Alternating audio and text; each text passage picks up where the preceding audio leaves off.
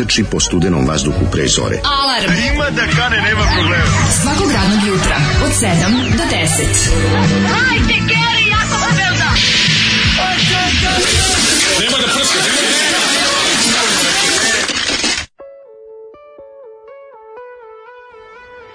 E, ponedeljče, crko da Bog da. Ju, ju, ju, kakav božija kazna od ponedeljka. Ljudi Baš je, moji, baš baš ono, baš je priroda se udružila sa nečastivim i da naprave najgori mogući ponedeljak ljudima. Napolju 9 stepeni, Odvratno je hladno. napolju odvratno je 9 hladno. stepeni, znači kraj je, ma sutra je jun, sutra je mesec leta. Sjetite sam se pre neki dan jebote kao, Pa mora- 31. maj je. mogu Koji da danas? 30? 31. maj, sutra Da. je jun, sutra počinje letnji. Junj. letnji mesec, junj. Junj. Sutra počinje junj i mi ulazimo u njega sa 9 jutarnjih stepeni, a ove nedelje će biti jedan dan valjda i 4 stepena ujutru, koliko sam video na ovaj na prognozi. Tako da, ovaj, Dokle, setio, sam dokle, se, do- setio sam se godine kad je, kad je početak juna bio isti ovako odvratan i zimski. Koji to godina 44. kad je bio dan D, oni su po teškoj ladnoći se Da. ispucavali tamo. Pa dobro, Temperatura valjda na plažama, ovaj, kako se zove Normandije, je bila, u, u, pošto oni išli u pet ujutru, da. Je bila negde oko 5-6 stepeni. Pa dobro, ali nisam siguran kakvo je vreme na plažama Normandije inače u junu mesecu. Pa da, da, nisu ovde se iskrcali, to si upravo. Pa mislim, tamo jeste znaš, hladnije. tamo je da. hladno, znaš, Ali ono se, je- razmišljao sam da li, da li, znaš, kome je bilo teško kroz istoriju da ustaje u Kako junu? ne, sigurno je bilo Do- teško. Ljudima koji su išli da vrše desante dosta je bilo teško. Kako ne, pa i u avionu je generalno hladno, nije bitno koje doba dana, I u niti onom godine. čamcu što, što vozi vas hiljadu na jedno mesto. ono, A, ono, to je isto preladno. Generalno, ovaj, desantni su, hla, desantni su hladni, to smo hteli da kažemo. Desanti su dosta Da. hladni kad god se recu. Radi, a, a znaš da je bilo fora kad su oni kao planirali kaće pa su odlagali pa je saći Pa kaće. su rekli da neće, taj dan i onda su ipak Pa je dobro onda ovaj rekao, pa je onda ovaj rekao kao biće hladno jako i ne znam vetrova I ne Nemcima je znam- hladno. A ne, a ne, na to je ovaj Da. rekao, dobro, a biće i Nemaca verovatno. Kao Da. kad doda na sve šta sve tamo ne valja. kao, Hladno je, ne znam šta kaže, a zna, možda bude i Nemaca. Ovaj jeste gledali novog Borata, Boratov lockdown? Neka vam je erektivan ponedeljak. Nema. Nismo, gledat nismo stigli. Ovaj- Ne stigli smo. Kaže ovako, ovaj, nekad je važilo da ako u imenu meseca ima slovo R, onda mora da se nosi gunj. Sad to više ne važi. To je bilo čuveno. Da, Da, da, da. mora- Sad u je, septembru se nije mora nositi gunj, ali sad mora do ono no ne znam, ja očekujem onda da u novembru bude 26 stepeni. A, pa onda ću u, razumeti, Zoli, Zoli, e, pitaju ljudi šta smo slušali. Grupali smo, slu, grupali smo slušu ST, znači slušali smo grupu ST, Suicidal Tendencies. Suicidal Tendencies. Nakon ovog, ovaj, ne samo ST bez, nema, mislim to je skraćenica pa je skraćenica, ne znam od čega. A jeste su, ja sam, mislim, možda oni nisu hteli, ali ja osjećam Suicidal Tendencies. Osjećam kako ne, uz hit. Super Kazanova. Super Kazanova, Super Kazanova je... Super, superka, na, e, Super- Zanova. Superka. Ruska. Super Kazanova. ne- Super Kazanova, ne, ne, ruska Slo, tenisirka. Slovakinja, Slovakinja. Super Kazanova. Da li si nekad probao kiflice od Super Kazanova? Da, na limanskoj pijaci kupim svakog Isto vikenda. najbolje. Najlepše. Super smakom. Kazanova, pesma koja ono, baca cringe u milijardu, u crveno, neviđeno, onako jedan pravi disko iz 78. 9. godine, ali onakav kao neko je uzeo sve disko pesme i, i on uzeo delić Uzeo od nje najgore iz njih. i sastavio jednu svoju Uzeo Bonnie M, da. uzeo ove kako se zove Hot Chocolate uzeo te neke klasike, malo i ovoga Ja se zovem Mirko. malo ovog e, prejednog nemačkog ovaj onog kako se kako se zvao pa Džingis Khan. O, da, da, pa Da, čekaj, to ti, je... Moscow, Da, da, kako- Čekaj, koji je pa Džingis Khan? Džingis Khan su, mislim da je nemačka grupa, ali su Ne, neki, ono, ne, kao je? U Nije- Bonijem ima Makedonac. Zar nije Bonije? Tu ima Makedonac. Ali je, ovaj, deseti Ne, on su, se oženio u Makedoniji. Deseti on su Makedonac. smrtonosni, a dezerti su ladni. Da. Sad su se spojili u jedno, nego, ovaj, Šta ste da kažem, muzika mi je ova, ova, ova pesma Zoli vam je kao recimo u seriji Vruć vetar da, Mhm. da ima scena kad šur da mora da siđe u disko recimo nešto da, da, da ne znam Bob Pa je da pozva. nesnađen po I kao običaju. siđe dola dola ova muzika on kao probije se Da. kroz masu on samo da ne razume A on mlade. kao nije kao ju lele mlade. šta je ovo pa ovdje se ne zna ko je muško ko je žensko Se ne zna ko pije, ko plaća, Ejde, sve. tako da. Boške, nemoj da budeš zatucan, ovo ti je nova muzika. Ma, razumem ja novu muziku, ali kako će da se ve- ožene kad ne znaju ko je muško, ko je žensko? Čom, čom, čom.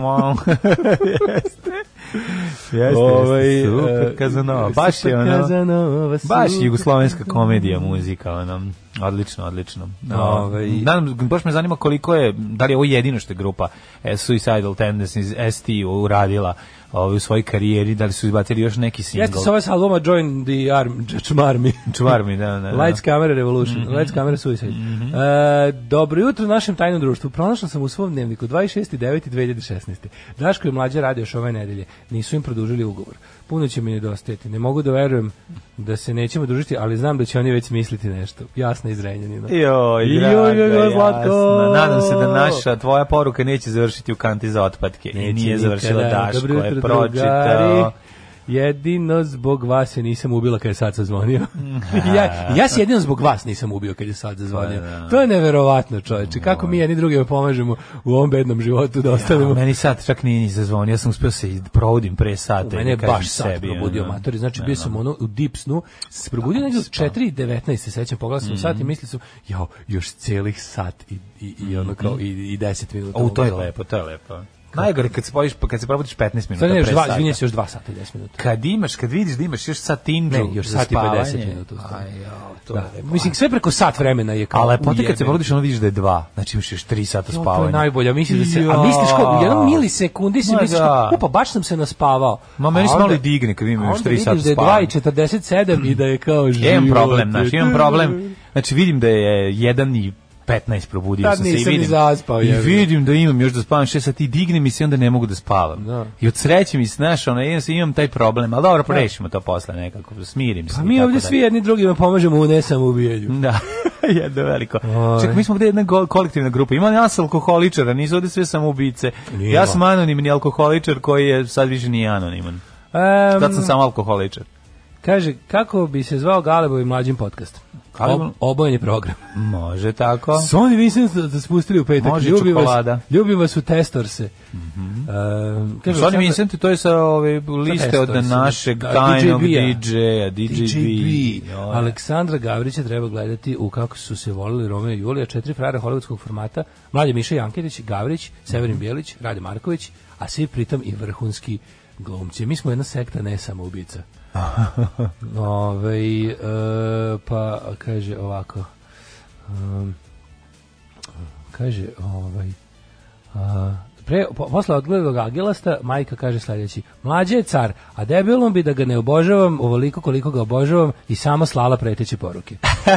ovaj, kaže, Duhovito majka. Kaže, mlađi ne da da progovori, melje preko njega, jeste pametan, ali priteruje, još nisam stigao da odgledam, volim vas bez obzira na sve, mva. Mva, evo, i mi volimo i ovi, šaljemo tebi i majici grupu Smits i pesma daj Svjetlo, koje nikad se ne gasi, zašto? Zato što su nabavili, 401, ajde, to nabavili su magnet, 401. nabavili su magnet i stavili na brojilo i više ne moraju da gase svetlo. There is a sjelica that never cirks.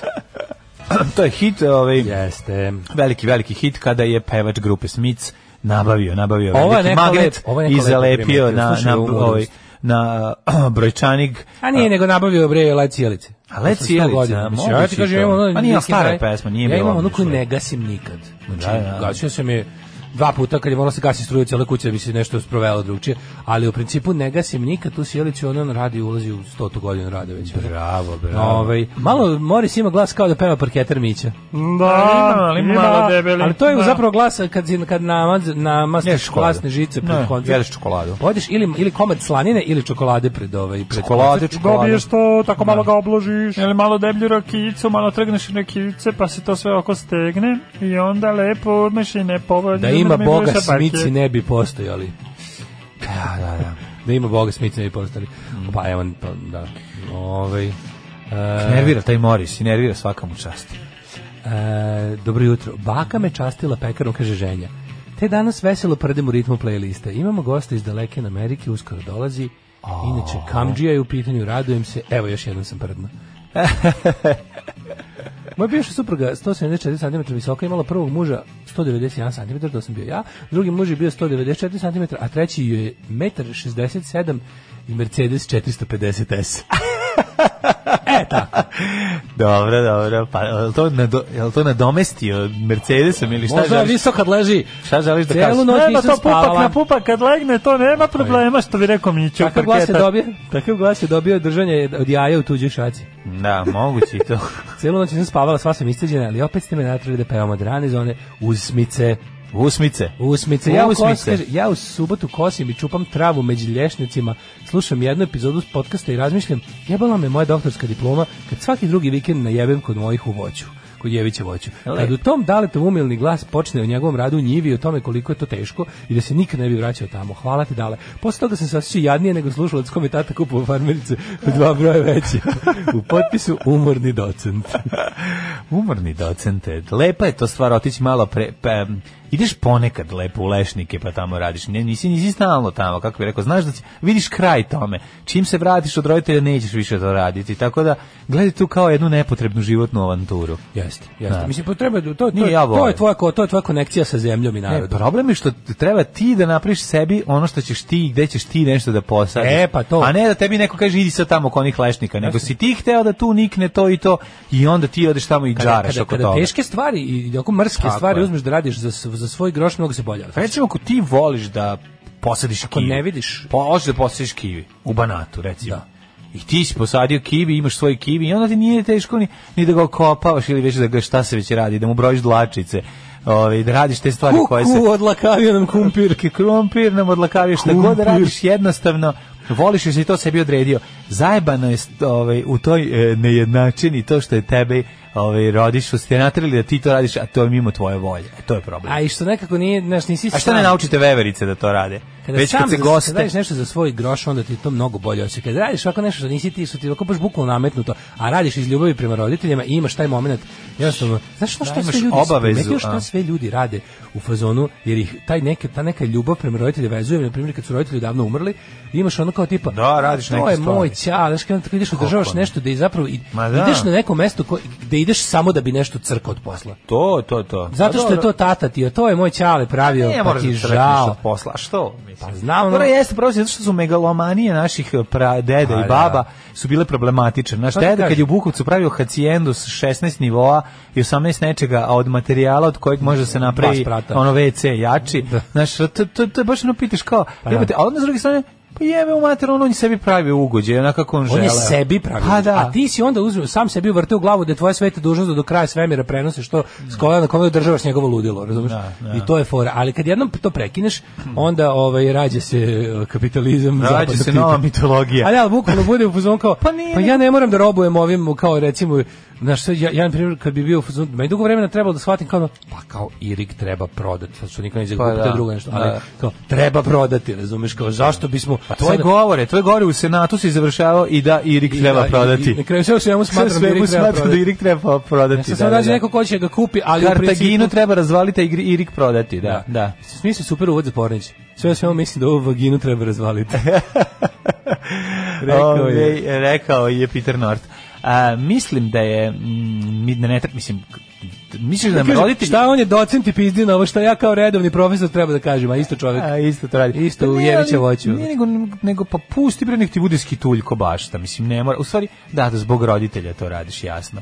Kada ovaj, po sili prirode ove, nas napuste naši roditelji i onda ti ostane tebi kao nabaciti taj osjećaj krivnje večni, da moraš to da održavaš, a ne moraš, mislim jednostavno, da kada uvijek može dati hiljadu dinara komši koji živi tamo da uzmi da pokosi. Pa mislim i to je u redu, ne O, moraš to, ti. da, da. To je sad naš Ne, to to, kada ti kada ti rod, kada ti preci u amanet ostave trošak, to je najlepše. A ti ga održavaš jer je to tvoje, kao to je moja dedovina. A dobro, kad si odrastao tamo, nije ti loše. Aj sad nemoj, mislim, nemoj zezati. I na kraju kraja... Ej, zajebanje najlakše ti- kivi, te uzeo sam sibirski ćelavi kivi otpornije. E, daj Ali hit je sada pau pau, to čekam još tri godine da uspeš. Šta je pau pau? Pa Boga? pao, pa moraš da podigneš. Ove, pao, ne znam, ne znam, ali ovi... Ali, ja sam mislio da, kad krenu će nam reći- ćelavi kivi, mislim da to neki naziv banatski za krompir. Reći će nam uh, Krudi šta je pao, To pao, Krudi, ići ćemo, je pa znam da je Krudi, pa zato sam i, ja sam ga i žacno sa ovim kivijem, znajući da će se on javiti. Sad te sam da proverim da im da li sa nama. Što je dobro, Ovaj, mm, nego sad da ti kažem, to, to oko, oko toga kao nabacivanje, nije to baš tako, znaš, i ti uh, možeš da rešiš taj problem vrlo jednostavno time što ćeš dati neku drugi da ti sredi, a treća stvar je na kraju krajeva može roditelj da učini ovaj plezir svom detetu tako što će posaditi recimo 40 oraha na tome. I onda će klinac kad bude imao 40 godina da ih poseče, da proda i da kupi sebi maj, majbaha ili neki auto skupi jer će svako drvo košta ne znam toliko i toliko. Svekar je na imanju podigo milioniti objekata, muž gunđe jebote, ko će se porušiti kad on umre? Pa da, da, to, to je veliki problem. Znaš, ono, gledajući te dedine, sad znate, dedine... Znaš kad sam ja bio najčešće kako de, dede umro 82. 83. se raskezečilo sve. Pa Znači, to je ono bukvalno, jer su to gradili ono pijeni, ko, Ja se dobro pijene sećam. kolege sa golog otoka. Da. Znaš ti koji to skidanje sa one stvari A nije skidanje, nego nisu ni znali bolje. Nisu ni skidali. Ma boleo ih. su se potrudili. Ma su se ne. potrudili. A A vidim ja kod ove kuće. Čika Rajko se potrudio, vato krivine, ono Mlađe, okolo. mi sad kad smo radili Posle kad sam vratio samo svoje sećanja, kad sam video ko je tu krivinarija, ko je tu zaista smo radili radi. hopove, ja sam došao do zaključka da je ta kuća jako dobro pogrešno urađena. Da. Razumeš? Znači oni su tu sa jako puno truda. Da, Čak dosta su uložili. Uložili su i vremena i pare i svega i nisu znali. Ali zato- to je jedna smrtonosna kombinacija. Zato treba one, uložiti- One, one grede naopako postavljene. To je vrhunac idiotluka. Pa znam, zato da... Možda zamisliš, postaviš grede suprotno od onog, znači, bukvalno s- šta greda treba da radi Da. i, i, staviš duplo više greda nego što treba u pogrešnom smeru. Da, upravo si Pa to da, je jeste, strava, jeste. Oni su mislili da da da da To je strava, znači to je to je bukvalno neverovatno. To je onako staviš grede od zabata do zabata umesto suprotno da ti onda ti da ti na da ti da služi to čemu da se kod kuće ne rasjedne. To je jednostavno ti vidiš da tu mislim to je bilo teško napraviti. Prvo u to vreme tu uopšte nešto zidati je bilo zajebano. To se radilo peške. kad budu se rušili, temelje kad budu rušili svinjac u Bukovcu, pa kad budu izvedili dva Soleksa iz armature, A, da. nikom neće biti jasno šta su to Ne, nisu šalovali sa Aleksima. Da, ne, šale ubacili kao armaturu. Eto, ubaciš unutra da ti pojača Zid ili peton. Zid. Pa to je kao to, Da, da, da. šalung bio, to ono što su bacali. šalung je drvo. A dobro, staviš mislim da šta unutra ubacuješ. Ubacuješ ubacuješ sve, da, šuta da. da, Šut, smanjiš količinu betona. Bude jeftinije. Pa da, to Ali ubaciš da. i armaturu kad nemaš žicu skupu ili armaturu pravu Da, da, da, kupiš, onda ubaciš od metala šta Pao, pao je nigerijac iz gifova, starmali. Šta god, mislim, može, Kaže, može opet biti je oblačno. Pa mi smo zaista Mordor. Od kako su ovi SNS bili na vlasti svake godine imamo hiljadugodišnje poplave, seku drveće svuda, samo na morci fali Peter Jackson da snimi nastavak a- ili remake. A veliko je pitanje ono zašto prošla godina kad je bio lockdown je bila toliko lepa. Zato što je bio lockdown. Svim, sa svim godišnjim danima. Pa ne, nego zašto... Priroda rekla, ej, sad ću da dam sve od sebe da budem lepa sama sebi, da ljudi, da, ljudi ne uživaju. Da ovome. gledaju kroz prozor, Da, ono, u svojim prozor, zatvorima. Usrali ste me, sad ću da vas kaznim ovim. Ne znam. Kako god, ovi, šta si juče radio? O, moj, mom, komši, mom komši deda ostavio kuću u Rovinju s nekoliko maslina. A to vidiš, Svake godine tako. se muči, ode, bere, presuje ulje. Sve bi prodao, ali kaže dedovina, pa mi žao. Ima neko Da. Svaki ima. hiljaditi čovjek ima normalnog dedu, naravno. Pa ima i lepih Ali nije, ja se stvari, zahvaljujem mom dedi što je odobro onaj plac tamo, ono je, ono je savršeno. Pa to vidiš da je lepo. Samo treba uzeti i ispraviti to što je napravio i sve u redu. Pa dobro. Ali je ovaj vikend mi je bio, bio mi strava vikend. Znaš mi je bio lep vikend, čovječe. A, počelo je tako razne, lepim druženjima, nastavilo se još lepšim druženjima, a završio se novim kerom na Hopovu. Mlađe, znaš ti kako je sladak pas, Lola se zove. O, Ma- Lola? Došla je mami tamo. Ovaj, rekao, ti znaš da nisam milioner. ne sluša ovaj, i traži. Znaš ti kako? Znači 50% terijer, 50% jazavičar. A to što se privukla ili je... Tamo stig, stigla Sama sam, došla, da. stigla, Da. I tamo je Dobar dan. Dala da jede i pomazila i od, nije se odlepljivala više od nje. I onda, i onda sam, mislim, ja dotrčao da vidim, znaš ti ko je to slatkoće? 50% terijer, 50% jazavičar, 100% pacov. Ma, Znaš kakva mala, znači, ti se kad više sevaničar. pokazat ću ti A jel, snimak, usrećeš se od sreće. Jel mlada ili je starija? Ma malecnost može 3-4 meseca, ali neće više rasti od toga. To ne znaš. Pa, mislim... Možda će se raskobasiti. Pa možda će raskobasiti. Možda će da se... U dužinu, u visinu neće. Ako je 3-4 meseca, Znaš onda kako već... ima, ima onako, e, a ima šape brown sad gore, kao, kao da je neko onako malo oprljio, a tu se ide ta crna dlaka preko brownske, onako kao da je, kao da je oprljeno, kao kada uzmeš pa malo građu, onako, znaš, oprljiš pre nego što je, e, ta, znaš, koliko... Kao kada oprljiš papir. Da, ali to je ta, koliko se ona naložila odmah da je to kao tu njeno i da čuva, onako, e, Pa, da. Znaš ti koja slatkoća. Pa mora da zaradi, Njuška šest brojeva veća, ovako uzmeš ovako za njušku, ono, E, a okice? Joj, one tupave, znaš, one mokre. Pa imaš sliku- sliku da mi Pokazat ću sad umrećeš od sreće kad je vidiš. Znači, baš ćeš voleti, ono. Pa joj, Znaš, kakva, slatke. kakva ona pac, paco, pacovost. Pa odlično, čoveče, sad neš imati ni miševa ni pacova. Ako je terijer, taj će da kupim- udavi sve da okolo. kupim malu crvenu ogrlicu, to će da stoji preslatko. Naravno. da I to kupim idi kod sveštenika u, ovaj, u Hopovski manastir. Da kupim frontline, idem Mhm. da je uzmem šta je sve, ok, već je danas odneti, ja mislim, kod veterinara tamo na onaj na vakcinu Mhm. i pregled. Da je odgliste. Da je odgliste, da Pa, je ni deset krpelje je imala kada došla, Au, deset majko komada bilo je ono, ali da znaš kako je dočekala, bila, Jel, bila mirna- otrebili? Bila mirna dok je trena, bila onako srećna što će neko poskidati. Ja se sećam kako sam u mladosti trebio moje pse. To je bio dugotrajan posao. Majko Mila, Dobiješ je za sve- sladoled. pokupila je sve kaže, iz otrebi, fazona. otrebi asku, dobit ćeš za dva sladoleda. Da, da, I da. onda ja uvatim i E, krenem a da tako da ona ima te trebim, uši mekane i male, i onda napolje tamo toliko duva da je uši viore na vetru. A, Znači, je kup, uši, uši su kupirane vetrom.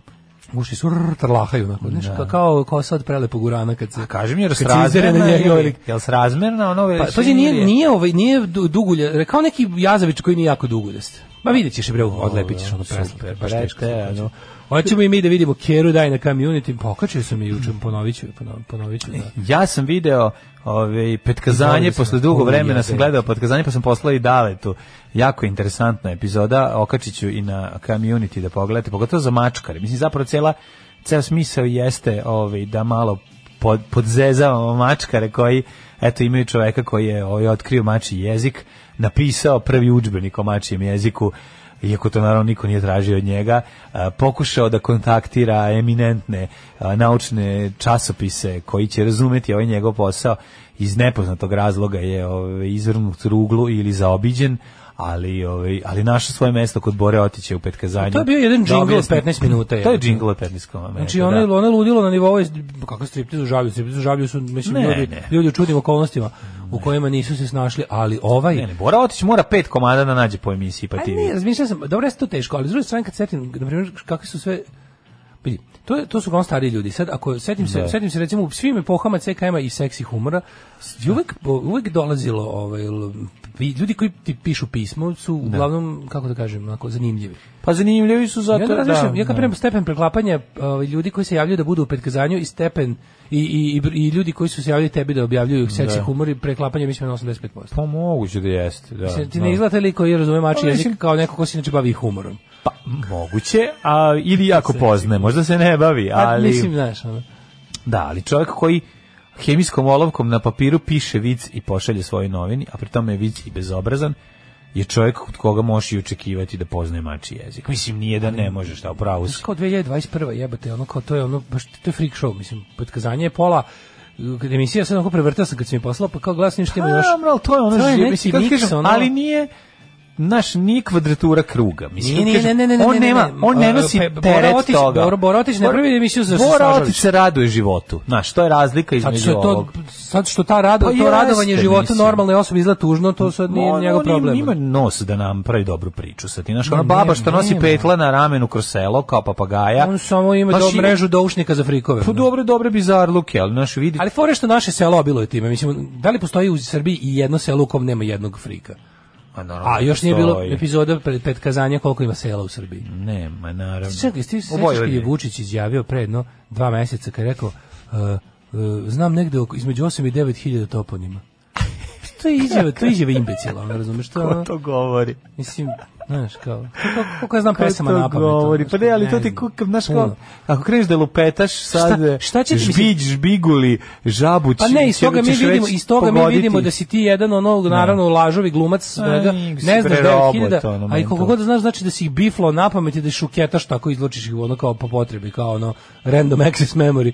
Znaš, i onda kao šta mi onda mislim znaš Ćuti bre, ono bolje reci, znaš, onda kao ostavi nas u iluziji da si se zainteresovao za konkretan neki problem pa si naučio ime mesta zbog toga. Ne, može Ne, ti si ono štrebao geografski Pa da. ovaj, leksikon Jugoslavije. Otvori, ne, on kad ide negde, otvori na, i nauči na pamet, dok putuje do tog mesta, nauči na pamet 40 sela okolo, i onda dođe tamo i ono, zaludi, domaće stanište izgleda kao da živi kod njih, bolje zna. Kako je kod vas 200 metara u onom vajatu, onda si, "Oh, zna za vajat, Pa da. za vajat. Otkud ti znaš za vajata? Pa znam, znam, to je znaš, vajat ovog- Erpa. pa Znaš ovoga gitaristu ovaj, blues slepi Da. Stephen Wyatt. Stephen Wyatt. Stephen Wyatt, Da. odličan lik, ovaj bio je gluv, nemi slep, naučio svira gitaru po njuhu.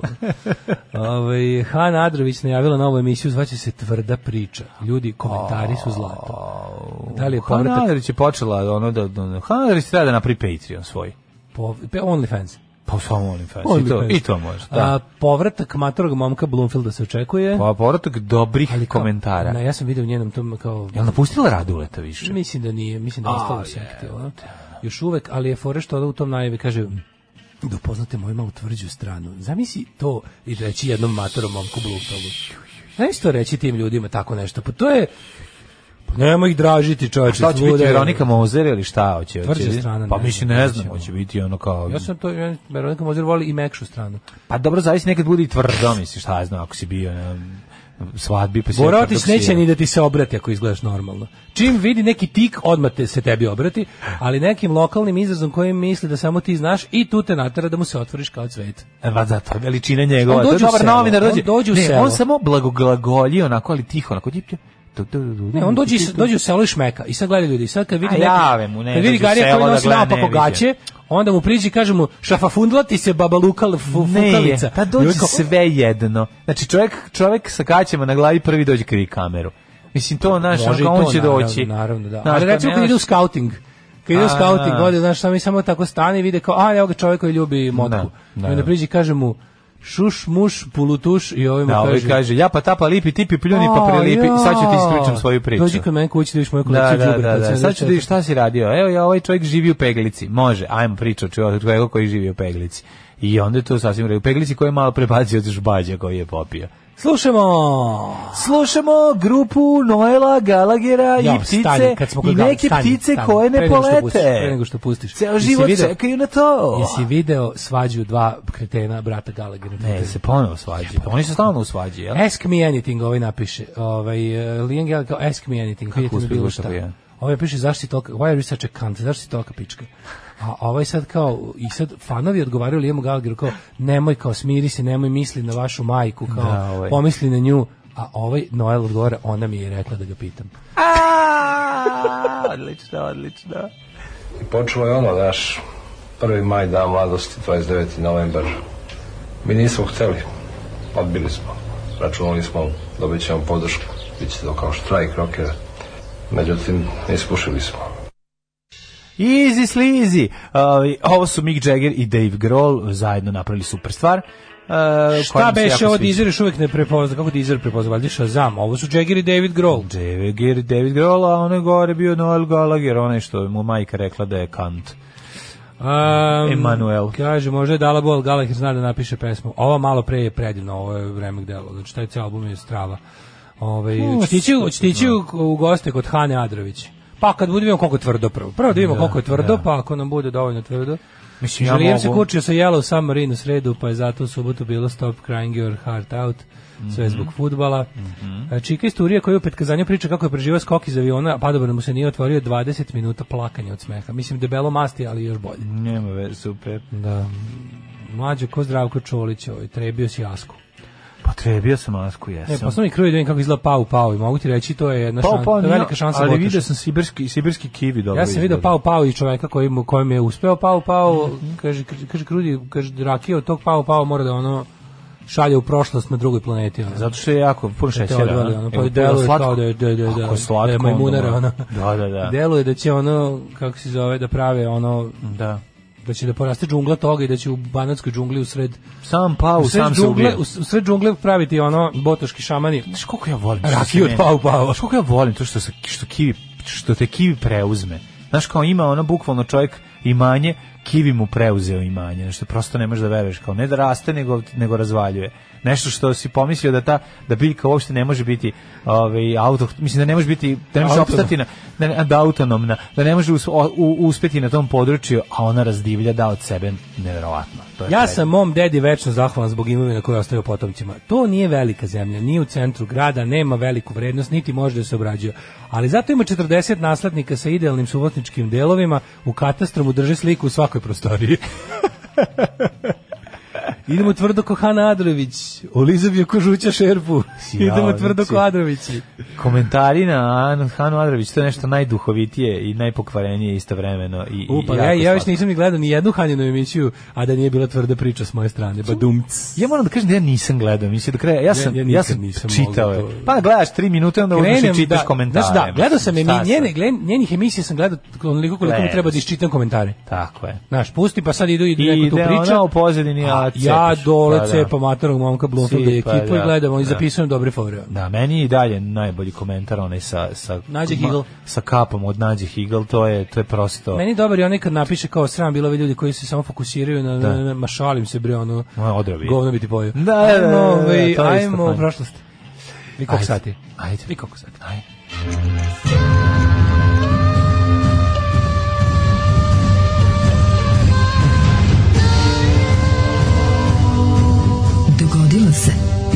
Današnji dan. 31. maj, 151. dan godine. Do kraja godine ostalo je još svega 214 dana. Znači, jebe. znači to stvarno za dobru kvalitetnu pripremu, pripremu najluđe noći, to je ništa. Za kvalitetnu primjenu nema, pripremu Da. nema loše pomije. Tako da sam teo da te pitam, gde ćeš za Novaka Đokovića? A, Znaka Đokovića, kako- kako, e, kad smo pred prema što odgovorim, žela bih informaciju o tome kako me krenulo na Rolandu Garusu. Rolandu? Je li dobro krenulo, pobedio? Ne znam, ne znam. Vidim da je počeo. ali Pa mislim, išao da napuni energiju kod bosanskih piramida, tako Kako, da ga, mislim? to je 100% I razvalić. Ko svež dođe od Sema, Ma da otišao kod Ko- Sema Osmanovića da mu napuni džepove, a ovaj a, Dobrom energijom. Dobrom energijom Papirnom. i ovaj njemu prodao ono tamo dva, dve tone magle i ovaj sad ide tamo baca tu maglu po Roland tako da Garros. ću za novu godinu u, recimo, neki banac surovi, negde da duva vetar, Može. jer vetar, kako- kako nervira vetar. Ja ne znam šta se to promenilo, pa tamo jebote na Frušku govorio onako divljački duva. Ono Duva sezonski. Sezonski, ja sećam da, da je u Bukovcu duvalo sezonski. Duva, duva, jebote. Kad krene da duva, znaš, ono baš pravi... Ovo ne tele pravimo, i pravit ćemo menja, ovu- menja svest. Ove nedelje građanski poduhvat ovaj Šta radite, šta radite? Trem, pravimo ovu plehova, ono što sam, pro, što sam nabavljao pre plehani 10 dana, pravimo trem. ovo kao na, na, na gore Nasišni terasu. su da možete se- čekaj, gore, na- na gornjem delu? Na gornjem delu ćemo stavimo iznad, kao iznad ulaza tamo onako da budu. Mhm. A ove, znaš kako je razduvalo da su ti plehovi odleteli svi u pičku materinu, znači onako nepostavljeni još uvek. A po- Što me sad tera da mislim, hoće li konstrukcija koju sam zamislio, koja je drvena, Pa ja, Izdržati, Ja bih želeo da ti dam jedan savjet. A to je? Ne, ne daj se opkoliti u, u termobilskom klancu. Ne, ovako, slušaj. E, ono što... uglavnom ne duva tako kako je, tu, tu je kao neka vrsta zavetrine, ali ove, mislim da će tu vetar, ne može vetar direktno da uradi to što... Uzmi uzmi jače šrafove, veće šrafove i sam dublje. najveće koje postoje. I dublje za zahefte i sve. Uzeo sam sve, sve najkrvavije moguće, najđeblje, plus ide, pazi ovo, u svaku onu tiplu i u svaku će ići, ići šrafljanje plus onaj preskupi jebeni moment fix od 1200 dinara, ono što ti treba. Znaš, ono onako da, ga, da mu sve uradiš što možeš, ono, da ga zalepiš, zašrafiš, za, za, zajebeš majke, ono, otprilike, Da, pa da, ću vidjeti. da. A fora da i sama konstrukcija ne sme da bude, teli smo prvo metalno to sve da radimo, Da, da. ali onda i ona sama po sebi teška, pa treba tu nešto izmudrovati. A možda si razmišljao možda Biće da zanimljivo. pitaš. Postiš pitanje nekog građevinskog pa inženjera koji će napraviti proračun. Pa naravno da, statičar. To je važno. Da kaže, ovdje u teoriji da, moglo da, da. ovako. A sad teorija, razlika između teorije i prakse u praksi. Da. Što kao jedan dobar vetar može da ti supo. Pa dobro, misliš jedan vetar koji nije ono klasičan. nestandardni da, vetar, koji odradi neki, ono, neki se skrene negde. Pa dobro, videli smo pojave ovih o, pijavica, takozvanih, Do, znači do, ako se do, mali do, do, tornado do, do, pojavi, do, do. ali nema ih po Fruškoj gori, ima ih po Banatu. Ipak je neophodan ravan širok Da, prostor, to da, tamo da, ne postoji. da. A za novu godinu ću da idem u ovaj, um, recimo... Daj neki toponim. Banatski Banatski Brestovac. Banatski Brestovac. Juče sam danas juče sam video neku nešto za Banatskom Brestovcu. Danas kaže je ovo inače svetski dan borbe protiv pušenja, recite ne da pušenju i recite da ne pušenju. Tako je. Znači danas nema pušenja, samo ljubljenje. Ha ha ha, ta ste ga A, Aj, ja. aj, izvinjavam se. Izvinjavam se, ubite me sada odmah. E, Sada neka me zgazi voz. Danas, ovaj, kako se zove, Arijana Čečik ima slobodan dan. 1793. je ovaj, godina kojom počinje moja istorija, daj nešto bolje. Nemam, isto, hapšenje žirondinaca u Francuskoj Mhm. počela vladavina jakobinskog terora. Živio jakobinski teror. Jakobinski teror, on, znaš da su Jakobinci na kraju kad više nisu imali nije bilo koga Sebe, da, da mu sebe. skine, ove, da, da skidaju glave na giljotini, su sami sebe giljotinirali. Naravno, tako je stvarno, to je stvarno Došli tako su rekli, daj sad samog sebe. rekli, ima i među nama dovoljno nepravovernik. Tako da, Ugrela nam se giljotina, daj sad da iskoristimo dok je vruća. živelo, e, žive, živeo revolucionarni teror.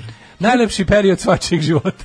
1809. Osmanlijska vojska porazila srpske ustanike u bici na Čegru, to je kod Niša, Da. a vojvoda Stefan Zinđelić je digao vazduh skladište baruta. Ja se ja to zamišljam kao u ovom uh, I'm a Legend, kad su se nakupili zombi i Turci, dovoljno njih i On on je pre nego, što ga, pre nego što ga je zagrizao ono, ono zombi aga, uh, Zinđelić opali u džebanu i ode sve u materinu. Da, od tada ovaj, je na snazi, mislim, to je pojačanje. Sinđelić je tamo kad je, kad je moj- po- možda malo počeo da bledi, ovaj kult poraza ga je ponovo podigao do ovaj kako se Pa- zove do ovog jednog onako mit, mitskog nivoa u Da, srpskom dobro, narodu. šta je ono rekao? Pa onda Govorio. znaš da su onoga Neka Tepić ovako isto Znaš uradi da su onog imbecila Tepića, oni dan danas ga slave, heroj, da. narodni heroj, ono Kakva tuga. da. 1859. Dobro, ovo je druga priča. Mislim, ovo ne možemo porediti sa, sa, ovaj, s Jedno- onim što je činio, učinio Mislim, Tepić. I jedno i drugo imalo učinka na, na, ovaj, na, na ishod rata u kom su učestvovali jednako. Pa ne, ovo je drugačije ipak. Kažem, ti, jednako ti si ima- pucao u to da ti da prvo da, da džebana ne padne u ruke Turcima. A i ona je što bilo da ne padne u ruke. Hrvatima. Pa to je jedna stvar, a druga stvar je što je ono 1809. godina i ti, kažem. a ovaj a Rezon je potpuno isto Pa glup, nije a isto, ovo je ovaj- federa, živiš u, u federaciji, u državi u koja izgleda malo drugačije Ne, i- se dobro da su da je on- 200 godina je razlike. su govorili naš savremeni Sinđelić, Da. to su stalno Pa pričali. to je problem što A se je što ni jedno i drugo- što nije to, mislim, o tome se radi. I ovaj ustanak je propao, i onaj je ustanak je propao, a ono kao... Pa nije sad ne znam tačno koliko je. Sinđelić. Nije isto. Ovaj- Sinđelić odne, odveo sa sobom u smrt još neko kao ovaj što je. Pa kako nije odvobre brdo Turaka? Sve, a ne, to nije u Turak, materinu. ovaj nije ni jednog neprijatelja po znacima navoda. Pa to ti kažem. vazduh svoje, ono. Pa ne poredi te sve stvari, ne, po, Pa da. ne, može, ne može da se poredi. Mislim, bilo niti mislim vreme da kad se bilo gubitaka i sa hrvatske strane. Ali Zbog te eksplozije? Da, da, bilo je nešto. Pa ne znam, ali, ali- ali je ono kao, stradili su pitomci na vojnom roku, ono. Ma užas bre, ja to ne, ne, ne, nema govora da je to... Da I onda, taj I onda je bila, ti sećaš priče Tepić, heroj, uh, general Vlada Trifunović izdajnik. Da, da, a u stvari, Majko, obr, a u stvari, u stvari su obr, potpuno obrnut. obrnut. Pa da, pa da. Potpuno obrnut. A zato ti kažem, ali nije isto kao ova situacija. Mislim, kao, ne, ne, Ma da, ovaj, ne može se Tepić nije izdajnik, nego smo idiot. 1859. Počeo da radi veliki sad Big Ben na kuli britanskog parlamenta u Londonu. Da, da. Znaš, jako je teško porediti uh, epohe i, i, i, i činove ne, kad je neko u, u, okružen i vidjet će izgubiti bitku Ma ne, hoću sam da kažem da strane kada, kada iz prošlih vremena imaš i neki zna da nauk završiti iz ratovanja, ka, šele kuli. Da. Ne, nego znaš, drugi kad kad imaš će- neki nauk iz ratovanja, to je da kao to je ta, to, to je tad urađeno i to se više ne radi. Da. Međutim, da, da. ovaj to pogleda i rekao, wow, kakva super ideja. E, A, počeo Big Ben da radi naši dan čovječe. Na današnji dan Big E, Bang. kad se Dan, setim, dan, dan, dan, znaš dan, ti, dan, kad dan. sam ja živio u Londonu, mlađo, to ti ja pričam malo. Znači, Ajde, London, pričaj, E, London. London ili Londra, kako ga mi Londra. zovemo. Ja to se je- sećam, ja sam, mi smo 70-ih, ono, ja odem u London za vikend, vratim se s novom gitarom. Zapamtim sve, ništa kupim da kupim. ploče, kupim ploče. Zapamtim kako izgledaju ploče, zapamtim kako izgledaju Martine. Na sve zapamtim. I pravim kod kuće. I napravim svoju verziju, zašto sam pravio Sašijem bolje. sebi ploču. Da, napravim sebi. Sam sebi snimim ploču. Posećanje ono što sam nešto slušao. Interesantno sam ovaj otkrio. Ploča Ten Paul Tudor, znači ono New Wave Obscuritet, izdat od strane Steve Recordsa i licencno izdat od RTVLJ ovaj, u, u SFR je najteža ploča koju ćeš verovatno i koju si verovatno ikad držao u ruci. Koliko ima? Nije me mrzelo da premerim, ovaj, znaš da se danas kurče kao ekskluzivno 180 180 gramsko gramski, vinil, 220. Pa ima dve Ja čak mislim da sporije vrti zbog toga jebote. Ja ne volim tako teške ploče. Pa ne, ali ovo, mislim, znaš šta, znaš koliko je bilo pla, koliko, koliko, se, koliko je bilo domaćinski, koliko se mazalo na guzicu u SFRJ, kad se u 21. veku izdavači kurčeka naprave nešto od 180 grama i to je obično vezano za neke jako stvari koje će se dobro prodati komercijalno. To je Tito, da se Razumeš? vidi da je da je Jugoslaviji jako A dobro. ovi uzmu ono B ligu engleskog New Wave-a i stave 220 grama. Tito je rekao pojačajte na 220 grama. Podebljajte, nek zapad? engleska omladina. Nek vide one što, kakve mi pravimo, Kako radimo ploče izdanje. Bukvalno. Da. Ove, 1902. mirom u Verengingu završen je drugi burski rat u kom su poginula 5764 bitranca i 4000 bura. To su holandjani u Južnoj Africi. Tako je, a 1910. ujedinjenje, ujedinjenjem britanskih kolonija Natal, Transvaal i Redobre Nade I oranje, oranje, oranje. Južnoafrička unija sa statusom britanskog dominiona. dominiona. To je zapravo Burski rat se vodio time, da- vodio se zbog toga da ovi iz Oranja i Transvala potpadnu pod ove ostale kolonije koje su bile britanske i onda su se holandske i britanske kolonije ujedinile u britanski dominion. 1924. Kina je. priznala SSSR. 1916. odigrala se bitka kod Jilanda, najveća botova, ja mislim da je to Jitland, ali dobro, možda i Jiland. Jutland. Najveća pomorska bitka u Prvom svjetskom ratu u istoriji pomorskog rata, to je bila i najveća i poslednja pomorska bitka dveju velikih površinskih flota vođena relativno uzanom bojištu brodskom Između Danske i artiljerijom Nemačke. kao glavnim oružjem, mislim između engleske i nemačke. A, A Jutland je da ovaj ne, mislim, govorim A, o da tome, bitka. ne, ti govoriš A, a, ne, geografski, a ja govorim strane u strane sukobu, u da. sukobu, da, da, da. da, da. Ovaj, u Bahreinu pronađena nafta 31.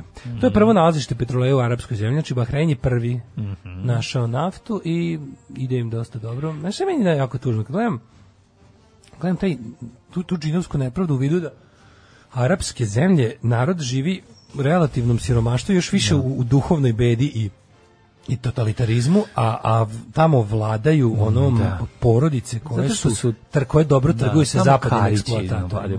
Pa Kako je to nepravda? Možeš zamisliti da sve te zemlje je to sistem, su jebeni neki ono... sistem kasti uglavnom. I uglavnom ti ljudi Što je nemaju... najgore nije. Jeste, vrlo često. Pa nije mlađo, Pa islam- recimo islam- drogar koji živi u, u, u, u gde živi? Na Bliskom istoku dosta- priča mi o, u jednom od bliskoistočnih bogatim na, naftom da delovima kaže da tamo otprilike imaš ono likove koje koje može svako da zgazi kolima i da ne odgovara, imaš A kao to ove su malo bogatije. iz, iz još jednih zemalja koje Pa tamo rade. nije, nego- pa da, ne, Znaš ne, koliko imaš Emiratima, ono, Afrikanaca i, i ima Azijata sirotinskog iz- stanovništva koji ima, ima bukvalno kaste, ono, znaš, Ne. kao nije to indijski sistem Nije, kaste, nije, ne govorim indijski tako. sistem kasnije reli, ne religiozno govorim, da, ne govorim da je indijski, ali ti govorim A ovo je da malo su- čudno, jer pazi, Da. islam je u tom smislu dosta egalitaran, kao i da, hrišćanstvo. Znači, i islam i hrišćanstvo su um, religije siromašnih, kao po ideologiji.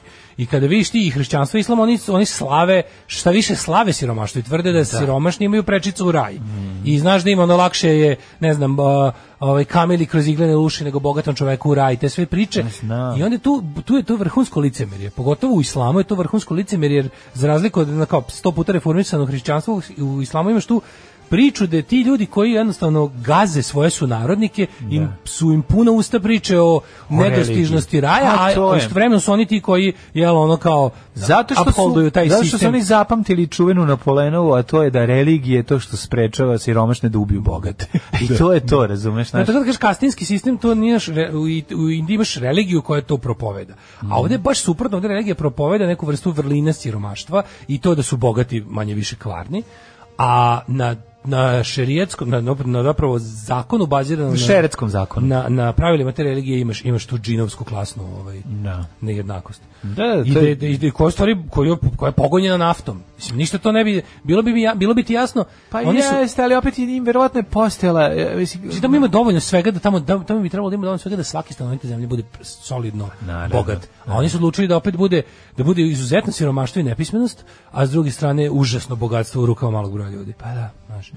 Ovaj e, 1938 prvi put prikazan film na televiziji. A, prvi film je bio povratak Scarlett Pimpernel koja je Mhm. prikazala američka televizijska kuća NBC. Scarlet Pimpernel, Jump in the Corner, čuveni Scarlet Pimpernel iz Crne Guje. Da. A, koja je prikaz američka, da, a ovo je bio, to je bio probni, jel tako, mislim, to nije, ljudi nisu imali 38 televizore u kući, ono, imao ga je predsjednik, kako su ga vidjeli na sajmu ili Da, gde je to, da, 38. garant neki sajam. Ali prikazan film na televiziji. Mislim da je prikazan i Uspešno. kod nas na sajmu, što najgore na Svetskoj izložbi. sajmištu, jel tako? Isto prikazan na televiziji. 40. je- Da. ili koje već? 38. Ne, isto, 38. ne. da, posle nije posle počeo Da, da, da, da. 38. je bila svetska izložba, ali je- ja mislim da je poslednji sajam održan 40. Ovaj, 40., na tom istom prostoru, ali to je bio jugoslovenski sajam. I ovaj da, i sećam se da meni jezive priče o tome da kad je posle to postao logor i kada su za paviljoni različite država postale različite barake, da se govorilo ne daj me u Švedsku, da su jevri govorili jer je Švedska mesto Egzekucije. Ma ne, nego je kao bila kao bolnica, ali bolnica iz koje se ne vraća živ, kao to je bio stacionar da, da kupe leševe. I onda kao, govorili su za, za neko ko umre u logoru, otišao u Švedsku. O, da, jer je stvarno na, na ulazu u zgradu koji su trpali leševe pisalo Švedska. Jezio. Ove, e, 39. Danska je s Nemačkom potpisala pakt o nenapadanju, u aprilu naredne godine nemačke trupe okupirale su Dansku. 61. Južna Afrika proglasila republiku sa Charleson Robertson Swarton na čelu i napustila britanski Commonwealth. 70. Ajde. 69. Čiro. Mhm. Voz prošao poslednji put kroz Derventu prema Bosanskom brodu. To je uskotračna železnica koja je posle zamenjena Kraj savremenom prugom. Ka- I kad nema Ćire, dolar je i Andrija. Ali ta uskotračna železnica danas postoji na Mokroj gori. Da, da, da, da, Šajdanska Šarganska. Železnica. 1970. u zemljotresu jačine 7,9 Richterove skare u Perevu poginulo više od 70.000, a 600.000 je ostalo bez domova. To je valjda najjači To ne znam, ali ono tri grada su po- potpuno Ja razvojene. mislim to najjači zemljotres. u kojoj bi bio onaj u Kini neki u tipa 14. veku, ali za taj nisu sigurni ni nemaju tačne podatke koliko je bio jak. Od od kad se meri, ovo je valjda najjači bio. 1991. U Lisabonu je potpisan mirovni sporazum o. Angoli, kojim je gotovo, po, posle gotovo 16 godina okočan građanski rat. Za- Zatvoren, Da, završen jedan- UNITA i kako se zvala on drugi, drugi pokret. UNITA Za, i... završen jedan ovaj građanski rat e, u svetu, a započeo drugi iste godine kod nas. Pa, nažalost. mislim, portugalski kolonizatori su tu imali svoju stranu i ovi Da. drugi, to je bio dva- pokreta koji su... Uvijek tako bilo. Interesantno, to su oba pokreta su prvo sarađivala i bili su antikolonijalni, onda se UNITA razdvojila, pa oni su ostali Mm. levičari, antikoronijalisti i socijalisti, a ovi drugi su prebacili u neku vrstu ono m, jebi ga angolskog nacionalizma Mm. i postali su neka vrsta, mislim uvijek su ono i bili eksponenti kolonizatora, ali taj građanski rat je posle se Ima to interesantno u Deutschland 86. Pa To je zavade po vlade, mislim, klasično. U drugoj znači. se drugoj drugoj sezoni Verovatno Deutschland 83 se dešava ono, dobar deo. favorizovali jedne i ono dali im da kontrolišu ove druge, mislim. Da, ali to, to, je, njihovu- to je bio isto jedan od proksi ratova, jer je tu Sovjetski savez podržavao jednu stranu, a, a ovaj zapad... Jedan od mnogih. Da. 1992. organizaciji Centar za antiratnu akciju održane su u Beogradu demonstracije više od desetine hiljada građana koji su nošenjem crnog flora dugog 1300 metara izrazili svoje saučešće sa žrtvama rata u Bosni i Hercegovini. Bilo je ljudi koji se, nisu bilo se pravili je. blesavi, koji su Tako znali je. šta se dešava, koji su podigli glas protiv toga, nažalost bili su manjina i bili su nemoćna Ali su manjina, se čuli. Ali je jako važno što neko reče, bili su ona jedna ptica koja nosi kap vode u kljunu da baci na požar, zato što je nekad važno čak i biti na pravoj strani, čak i ako ne pobediš, čak i ako nisi većina. Mislim, u ovoj zemlji većina nikad nije bila u pravu, to znamo, ali je ovaj to ljudi koji su u, ono i, i užasno me nervirali znam koliko sam mrzeo u onim lepim selima što su oni prikazani kao neki kao a, kao neke pičke pedečine razmržene iz kruga dvojke kao to je to me toliko Pa, nerviralo da to nije bilo ljudima, njemu. Ja znači, očekaj, jeste, to je mislim da mu nije bio cilj. Da tako mu nije bio cilj, baš je prikazao kao licemer, on je kao jedan lik koji drži... Oni- Vanja Bolić igra. Oni drži, oni drži kao, e, pa oni što šutne onog sa štakom. Ne, Da, da prikaže kako je e, kao nešto je sve licemerni to je su sve krug dvojkaši licemerni i on kao on drži ne all we are saying i priđe kao Da, neki da. lik i ovaj mu kao ne znam šta i šutne kao da padne kao takvi su zapravo ti ljudi koji protestuju za mir kako se ne sjećaš te scene Ne sećam se. Dobro, nisam ja taj film gledao baš tako puno puta. Mislim, Gledao sam ga iz Sad ću opet dobiti 10 poruku da, da je to antiratni film. 1009, to je... Ne, ja sam govorio da je ta scena, ono, znaš, da je nije, im, da Ovaj. nije imala taj koncept, ja sam to zapamtio, ja sam, ja sam taj događaj zapamtio iz tog filma i ne u negativnom kontekstu, to sam teo da ti kažem. Ja Hiljadu- moguće da, ovaj, da sam to prevideo. Ili da možda ti nisi u pravu, što je gotovo nemoguće. Ali, ali možda 92. jeste. masakr u Vrpolju kod Sanskog mosta. Mm, užas. 96. Mhm. bosanski heroj Dražen Rademović, ovo taj je jebote ono. Dražen Rademović, bosanski je jedan od, od direktnih egzekutora u Srebrenici, koji je izjavio čuveno ja sam pucao dok se mitraljez nije raspao. Jebem ti sunce. To je bilo prvo priznanje krivice pred Kaškim tribunalom, a onda kad su oni, pazi, on je učestvovao u... Čekaj, on je, on učestvovao- bio iznemljeno na, na, na, na Da, strani da, ovih- da, da, da, da, to su bili oni da. periodi kad se mogli iznajmiti, kad ti zafali ljudi. Da. li su ovi bili umorni od ubijanja ili su ili jednostavno su bili u fazonu Znaš, mislim, i da, da, se, da se ne lažemo, bilo je u toj vojsci Republike Srpske po puno čestitog sveta koji su bili u fazonu, neću da učestvujem u ovome, pa je onda Ratko Mladić našao ko. Da, da, da. Što prinudom, što, ovaj, kako se zove, tim, što ti kažeš iznemljivanjem. Pa su tako postojala jedna čita, jedan čitav vod, to je Demović svedoči, da postoji jedan čitav vod koji je ovaj iz, iznajmio od onog Hrvatskog vijeća obrane i raznih tamo nekih proustaških formacija, koji su isto bili u fazonu, e, pa volimo da ubijamo muslimane, možda nije, možda Da. nije u- Mi privređujemo na ovaj privatirski prvo, način. Prvo, prvo privređujemo, Da. drugo, mislim, mrtav balija, mrtav balija, sad da li sam ga Da. ubio tamo uz, kod mene kući u Hercegovini, mislim, treba da ih ima komplet manje, pa kogod radi na tome mi je dobar, a i plaćam. Aj mi smo hrišćani pa se razumemo u tom smislu. Ja, ima tu svega, da. Ove, onda on ali, dio to ali mislim da je osnov, mislim da, da je osnova toga pa novac koji su Ne, ali je bilo što po jedno vreme su pokušali stvarno da prikažu kao fuzon kao pa ne bi mi nego eto kao bilo ti Hrvata koji su bili ekstremisti u našem redu. To je bilo jedan od idiotskih načina. Ljudi imamo ustaše ubijaju i kod šta nas. bi je, Ju mi došli ovde da, mi da, sa, da. a ovaj polude puzo da ubija. Bilo je bilo i tih, znači, na bespućima srpskog nacionalističkog interneta možeš pročitati takvih ono tih ono uh, apologetike koje ide od ono do ono kao to je taj to je taj demovi svima nama podmetnu ono učinio da. he makes us look bad do toga da, ono kao Imali smo Ustašu vreme. Pa da, eto to. vidite kakve su te balije kad su Hrvati Da, ono kad sami dolazili. sebi na markala ispaljuju granatu, ono, znaš, kao to, to su sve, to, to su iste te priče koje smo slušali, taj, ž- taj žvalizam koji, kojim su nas pogađali bukvalno ono 10 godina smo slušali te gluposti onda smo ih 10 godina nismo slušali a onda je ono poč, su počeli da ćute prvo prvo su govorili kako jeste kratko period onda su počeli da ćute onda su se vratili na taj isti narativ ono kao eto šta nam učini ili usud ili nas je neko ne neko treći nas je ano, ili naravno mi nismo ništa nego su oni sami sebi. I to, to tako ide da to je toliko tužno i jadno ali šta da radiš A, Ukrajina i Rusija potpisali sporazum o strateškom partnerstvu 97. How's that going? Pa onda sanatorijum, ovo je bilo je još jedan od groznih zločina, 1999. u vazdušnim udarima NATO-a pogođen je sanatorijum u Surdulici, poginulo je 20 ljudi. jezivo, jezivo. To je zapravo ovaj, bio, mislim to bio poslednji da je to bilo poslednje ovaj, stradanje civila, da posle toga je bilo obustava, pa je onda posle 3-4 dana potpisani potpisana se po naša pobjeda nad NATO. Da, da. Nakon što smo, 2001. nakon što smo prvo uništili ovaj NATO smo aerodrom, NATO aerodrom u Albaniji, ne znam da li znaš Da, tu da, akciju, naša- koji se meni priča. najbolje. Znaš, pa to ti kažem, mi, mi živimo u ogromnoj laži. To, to je naš... Ja mislim da će to da će to za jedno 10 godina biti ne, To ono, ne, ne, neupitna istina. Pa hoće, da, da. da. To kao, kako se zove onaj film? Ne, to je čuveno kako, se je nekoliko, nekoliko aviona, a znaš, znaš čega su oni to, ću ti reći zbog čega je to sve. Ta ideja o tome leži u onoj, e, za onom za pravim događajima iz 41. kada je dvoje, dva, tri aviona ovaj, jugoslovenskog vazduhoplovstva bombardovalo nemački grad, austrijski aerodrom ili nešto. Ne, Zar ne, nije u Mađarskoj to bilo? ne, ne, bombardovali su u Austriji. A, Austriji, stigli su do Austrije. A Pa poletali Stigli da. su, sletali Sloveniji, mislim. da. Ali hoću ti kažem da je ajka sad jesu jesu uništili su je nekoliko aviona uspelo da izvrši akciju da, da uspori ulazak Meni nemačkih onaj, kako se zove onaj film I onda to naš verovatno film sa oni dvoje kao oni i to istiniti događaj isto. Oni oni bu oni ludaci su isto u američkoj vojsci uzeli avion u nekoj bazi američkoj u Vijetnamu i otišli bombardovali Hanoj. da ne sjećam se Što je bilo van svakog Mm. domaša. Znaš da je bilo, mislim da glumi Defoe jednog od pilota. moguće. To je to je isto bilo bom, da su uspeli s jednim avionom, da, ne znam, to je to uređeno. Mislim to je postoji priča da je to zapravo bio plan da da su da to bilo da su imali naređenje da to urade, a da je sve prikazano kao ono rogue mission dvojice poludelih ono kao naš de, desničara u vojsci. Da, da, da. Koji bi da završe rat ranije. Kao, mislim, Ne, ali znaš da ko rat ranije pobedio pobedio Vijetnam. pobedio na kraju. da. Ove, e, u gradu Marfi u Severnoj Kaliforniji uhapšen je Erik Robert Rudolf, osumnjičen za postavljanje bombi na klinici za abortuse, u klubu za homoseksualce i u Atlanti tokom olimpijade 96. Hrišćanin.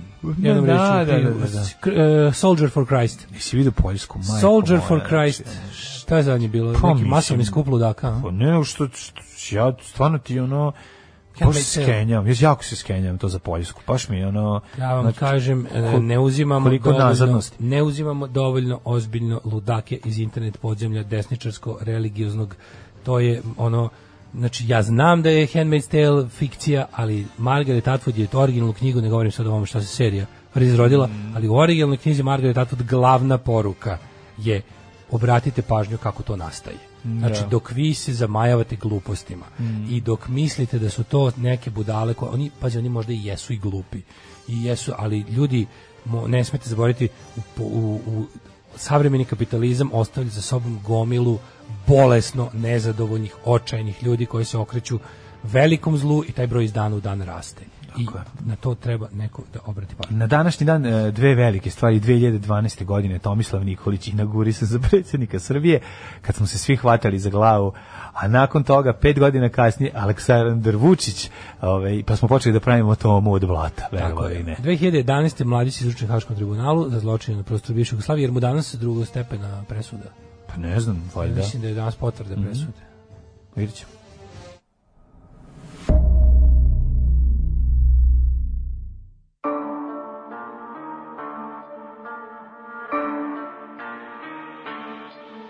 Tvrdo kamamići u 8 sati i 7 minuta, četiri žvake se žvaću, odlično. Znači, sad, do sada mi je ovaj, najbolji moment bio sa ovaj proklet bio na današnji dan, ali ovi ove četiri žvake se žvaću isto dosta jako. Treba da uzmeš šrafove od crnog čelika, tako mi je su rekli. Pa ne, uzmi, uzmi najskuplji čas. Da, da, tako sam i radio, da sam najveće koje sam video u Ne prodavnici šrafova. uzmi neke najkvalitetnije. Ne Kažem, znam, ne, najveće, samo- najskuplje, te Najkvalitetnije. neke kako već ono, pit, znaš on kao rekli, daj, dajte mi najveći šafa koji imate u prodavnici šafova. Da, mislim, da, da. Ovaj e, jel ti statističar radio proračun na sišuće dejstvo vetra? E, ovaj, kaže, najgori komentar koji sam video jebo bite dok me gledaju deca i žena. Da, da, da. I da, taj je da. bio tamo. Taj je bio, da. Taj, da, verovatno, verovatno, stvarno. da, po- verovatno Ja se- uz pomoć tam zapova stigao do, do, do, na prvo mesto. Ja sam ovaj taj e, taj komentar sam zaboravio, iskreno, jer je bio toliko odvratan, iako je teško zaboraviti, ali potisnuo sam ga negde. Da. Ovaj e, kaže, e, sigurno znate, ali kao prevodilac moram da istaknem da se Kamila u toj izreci odnosi na ono debelo uže za vezivanje brodova. To je malo izgubljeno u prevodu. Dobro, sve jedno ne, ne prolazi. Daleko ne prolazi kroz iglane uši. Ovaj em, Kaže, znate da postoji istraživanje da u ratovima kroz istoriju većina vojnika ne puca ili puca iznad glava. Da, ima i to istraživanje. Ima i ono drugo da. istraživanje koje je još luđe, a tačno, isto je da je ovaj a, većina ljudi u, u, u, u ogromna većina ljudi ne dotiče ih se ništa, čak ni rat u njihovoj zemlji. Većina, čak u svemu, čak i u stvarima kao što je rat, ne učestvuje ogromna većina ljudi. Nije prirodno čoveku da ubije drugog Nije, čoveka nije, i to je to, nije, mislim, da, znaš kao, Kaže samo da vam se zahvalim što mi otkriste povijest četvrtkom. nema na čemu. Napravite neko druženje kad konačno dođe proleće, vakcinisani smo svi, pa pravit ćemo neuranak. Dogovorit ćemo se. I to ćemo ove godine, boga mi, drugčije da ga radimo, da ne bi crkli, nego ćemo to da malo, ovaj, kako se zove, malo će to da bude, što bi se reklo, a community thing. Ne, vi, vi, ćete, vi ćete da pravite slet, a Daško i ja ćemo da Da budemo dođemo ti- svečano loži da vam mašemo. Nije, radit ćemo i mi, ali, ali nećemo samo mi raditi. Ove, kaže, zabavao sam se za šrafove crnog čelika, to je zbog veličine. Ali, kaže, moraju šrafovi da budu pocinkovani. E, nemojte nas zajebavati za te tehničke stvari, nemamo. Pa ne, ne, za ne, sport, znam da postoje- Za sport i za tehniku nemojte zajebavati. Znači, recite, ako napišete nešto, Kaže, da li Daško možda mi objasni zbog čega omalovažava artističku radnu akciju i ljude okupljene oko isto? Ka- Kako omalovažavam artističku radnu akciju? Kad se stvarno omalovažavao radnu ploča.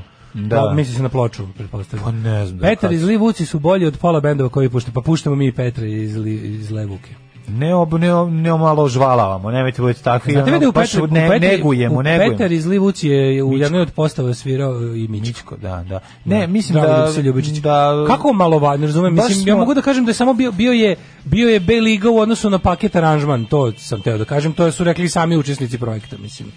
To je mišljenje učesnika projekta, ovaj Pa dobro, zar to nije kasnije? A paket, paket aranžman je ranije, zar ne? Kažem da, ali bio je, imao je i manji odjek u javnosti, i manji tiraž, i manji značaj kulturološki i sve to je rekao. A šta Gila. ćemo sa garažnim je rekao pakovanjem? Gila, nemoj molim. Šta ćemo sa garažnim Dobro, ne, govorimo o stvarima pakovanjem? koje su manje više iste epoha.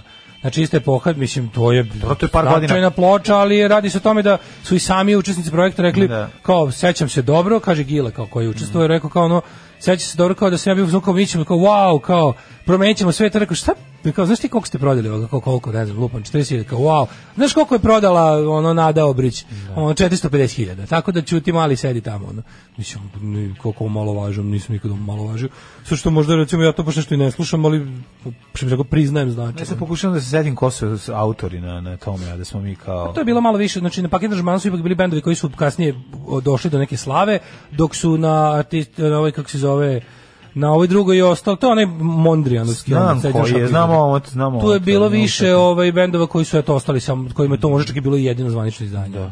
Kasnije je tradiciju toga nastavila uh, ventilator 202. Znači to je to je bila serija ploča gde je ne, mnogim dobrim bendovima to bio jedini, izdanje. pa prvi je nekim mnogim mnogim je bilo jedino. Znači ono kao naš, onda ne znam bend poput recimo Fleka iz Niša, za koji smo se složili da je genijalan, a koji nikad ništa nije uradio. Ima taj jedan super snimak sa sa, mislim, tog, da. tad se jako teško dolazilo do studija, da se razumemo, a do izdavača još teže. I kada bi ti došao neki dobar izdavač za kog je stala neka medijska kuća tog vremena i ponudio ti da vreme u studiju i, i da to posle se nađe na, na ploči koja će ići u dobru distribuciju. kontrola na toj artističkoj radnji Ja mislim da jeste. Pa zato što pokušam Pasta ZZ. Petar iz Livuci. Da, da, da, da, da, da. da. Sad ja sam već malo Puštamo mi tu, ono, znaš. Nisam nikad omalo važavo, mislim. Ove, e, kaže, jedini rat u kom bi učestvovao rat protiv vanzemaljaca, za sve ostale me zabole. Ove, A rat ljudi protiv mašina? Ovo je rad ljudi protiv mašina. Slušaj, triumf kapitalizmu. Dunkin Donuts bacio sve krofne posle par sati da bi uvek bile sveže. I umesto da baci, jedan radnik je uzeo i podelio krofne beskućnicama i zbog toga dobio otkaz. Pa I moram da kažem nešto, pričao sam to, ali nije zgore ponoviti, gde smo drugar i ja celo drugo polugodište prvog razredne srednje jeli u kontejneru McDonald'sa. Što je bilo potpuno super. Znači oni su isto tako kad su otvorili pa su držali neki standard, pa su hteli da pokažu pa ono vreme 95 jebote beda. Su oni tamo glumili Ameriku i razvoj i ono kao i svet. I onda kad se usred tamo sankcije u Novom Sadu otvorio prvi McDonald's, mi smo baš bili negde prvi prvo pogledašte prvog srednje u mom slučaju. I onda smo Bili smo gladni, vajte. pa bili smo, mislim, namet Da, da, da. I kad smo provalili da oni ono dvorište Apola tadašnje, odlažu stvari kad napra... Mislim, nije to baš bilo kao toga. Brzo su oni uvatili koliko... Znaš, Pa znam, skloniš pikaoc, pojedeš. ono, Br, br, to, ne, to je bilo skroz zapakovano, oni bi to iznali u jednoj, u jednoj kutiji, stavili bi sve recimo starije od ne znam koliko, sat, dva. Da. Uglavnom bilo I onda puno. bi ti stari pužar Pekli su jako- se otimate. Te- Pekli su mnogo više ovih, tad se to zove fish mac, se zove filet of fish nego što se prodavalo, toga smo najviše klopali. Dođemo matori na velikom odvoru, ekipa, i ko uđemo unutra, ovaj, bila se preskočila koja jedna žuta ograda od metar, pokupiš da nosiš kutiju punu zapakovanih jebote hamburgera i onih fish mekova i jedemo jebika. Mislim šta su, malo su, malo su samo mlaki. Mislim, ili ladni, ali su, brate, mili ono, kako ti kažem, ručak koji ostaneš kod kuće pokvareni sto puta kad se vratiš uveče, pa ga jedeš za večer. Ove, em, da li vi kao izrazno obavešteni znate šta se dešava na N1? Pa Nisam baš tako. nisam baš tako jako obavešteni. Mislim, pretpostavljam, pretpostavljam kao i vi. Znamo šta se do sada dešavalo, pa imamo otprilike neki, neki ovaj, pretpostavku šta se dešava. Ajmo rođendane. Rođendani rođena Ju, 1773. Ludvig Tik, a to nam piše neko sa N1. A da, da, da mu Pa objasnimo. Da, da, mu objasnimo, da li vi kao sa, sa strane, sa dobrim pogledom? ljudi? Ja ne mogu, evo, od ove plate ne vidim šta se dešava. Ludvig Tik, nemački književnik i prevodilac. Po čemu, šta je prevodio Ludvig Tik? Zašto je on važan? I koja je veza njegove sa ovaj, Vukom Karadžićem? Da čujem. Ludvig Tik, ne može. Nijedna, pošto je on rodio Ne znam, možda ima se- 1773. A mislim, jesu bili savremenici. Pa dobro, ali... Jesu, on bio malo stariji, nego bio 8 godina stariji njega. Da, Um, ne znam, nikak, ne, ne znam ništa, ali teo sam da zvuči ne, jako izvini, pametno. 7 i 14 godina stariji. Pa dobro, da, da, da. 14 godina bio stariji od Nisu Vuka se Karadžića. sretali, nisu se sretali. Sad ćemo da vidimo po čemu je. Pohađaju različite univerzitete puta od mesta u mesta, iz zemlje u zemlju, okušavao se gotovo svim književnim delatnostima i rodovima. Ne bi radio nešto drugo, majko moja, samo da piše. Došao u dodir i sarađivao s mnogim intele, istaknutim osobama svog doba, iako važno mesto u istoriji njemačkih književnosti zauzimaju njegove drame, kritike, naučni spisi, ipak ovaj, za, a, kaže, e, ove, učestvuje u dovršavanju Šlegelovih prevoda Šekspirovih dela. Njegove najveći Uje. doprinos su novele, dopadljive, duhovite i realistične. Čitaćemo ti. Odlično. O, Jozef Haydn, 1809. Tata od Nikole Haydn, zelog. Mhm. O, 1819. rođen američki pisac Walt uh, Whitman. 1819. 1819, da. 1848. Vatroslav Koander, hrvatski urgijaš, urguljaš i skladatelj. Donamići. Donamići. Donamići. Donamići, 1908. Američki glumac i komičar. Charles Greeley Abbott, astrofizičar, St. John Perse, francuski pesnik i diplomat. E, Ljuba Tadić, 29. E, pre toga 26. Ida Prester. Ida Presti, francuska gitariskinja klasične muzike.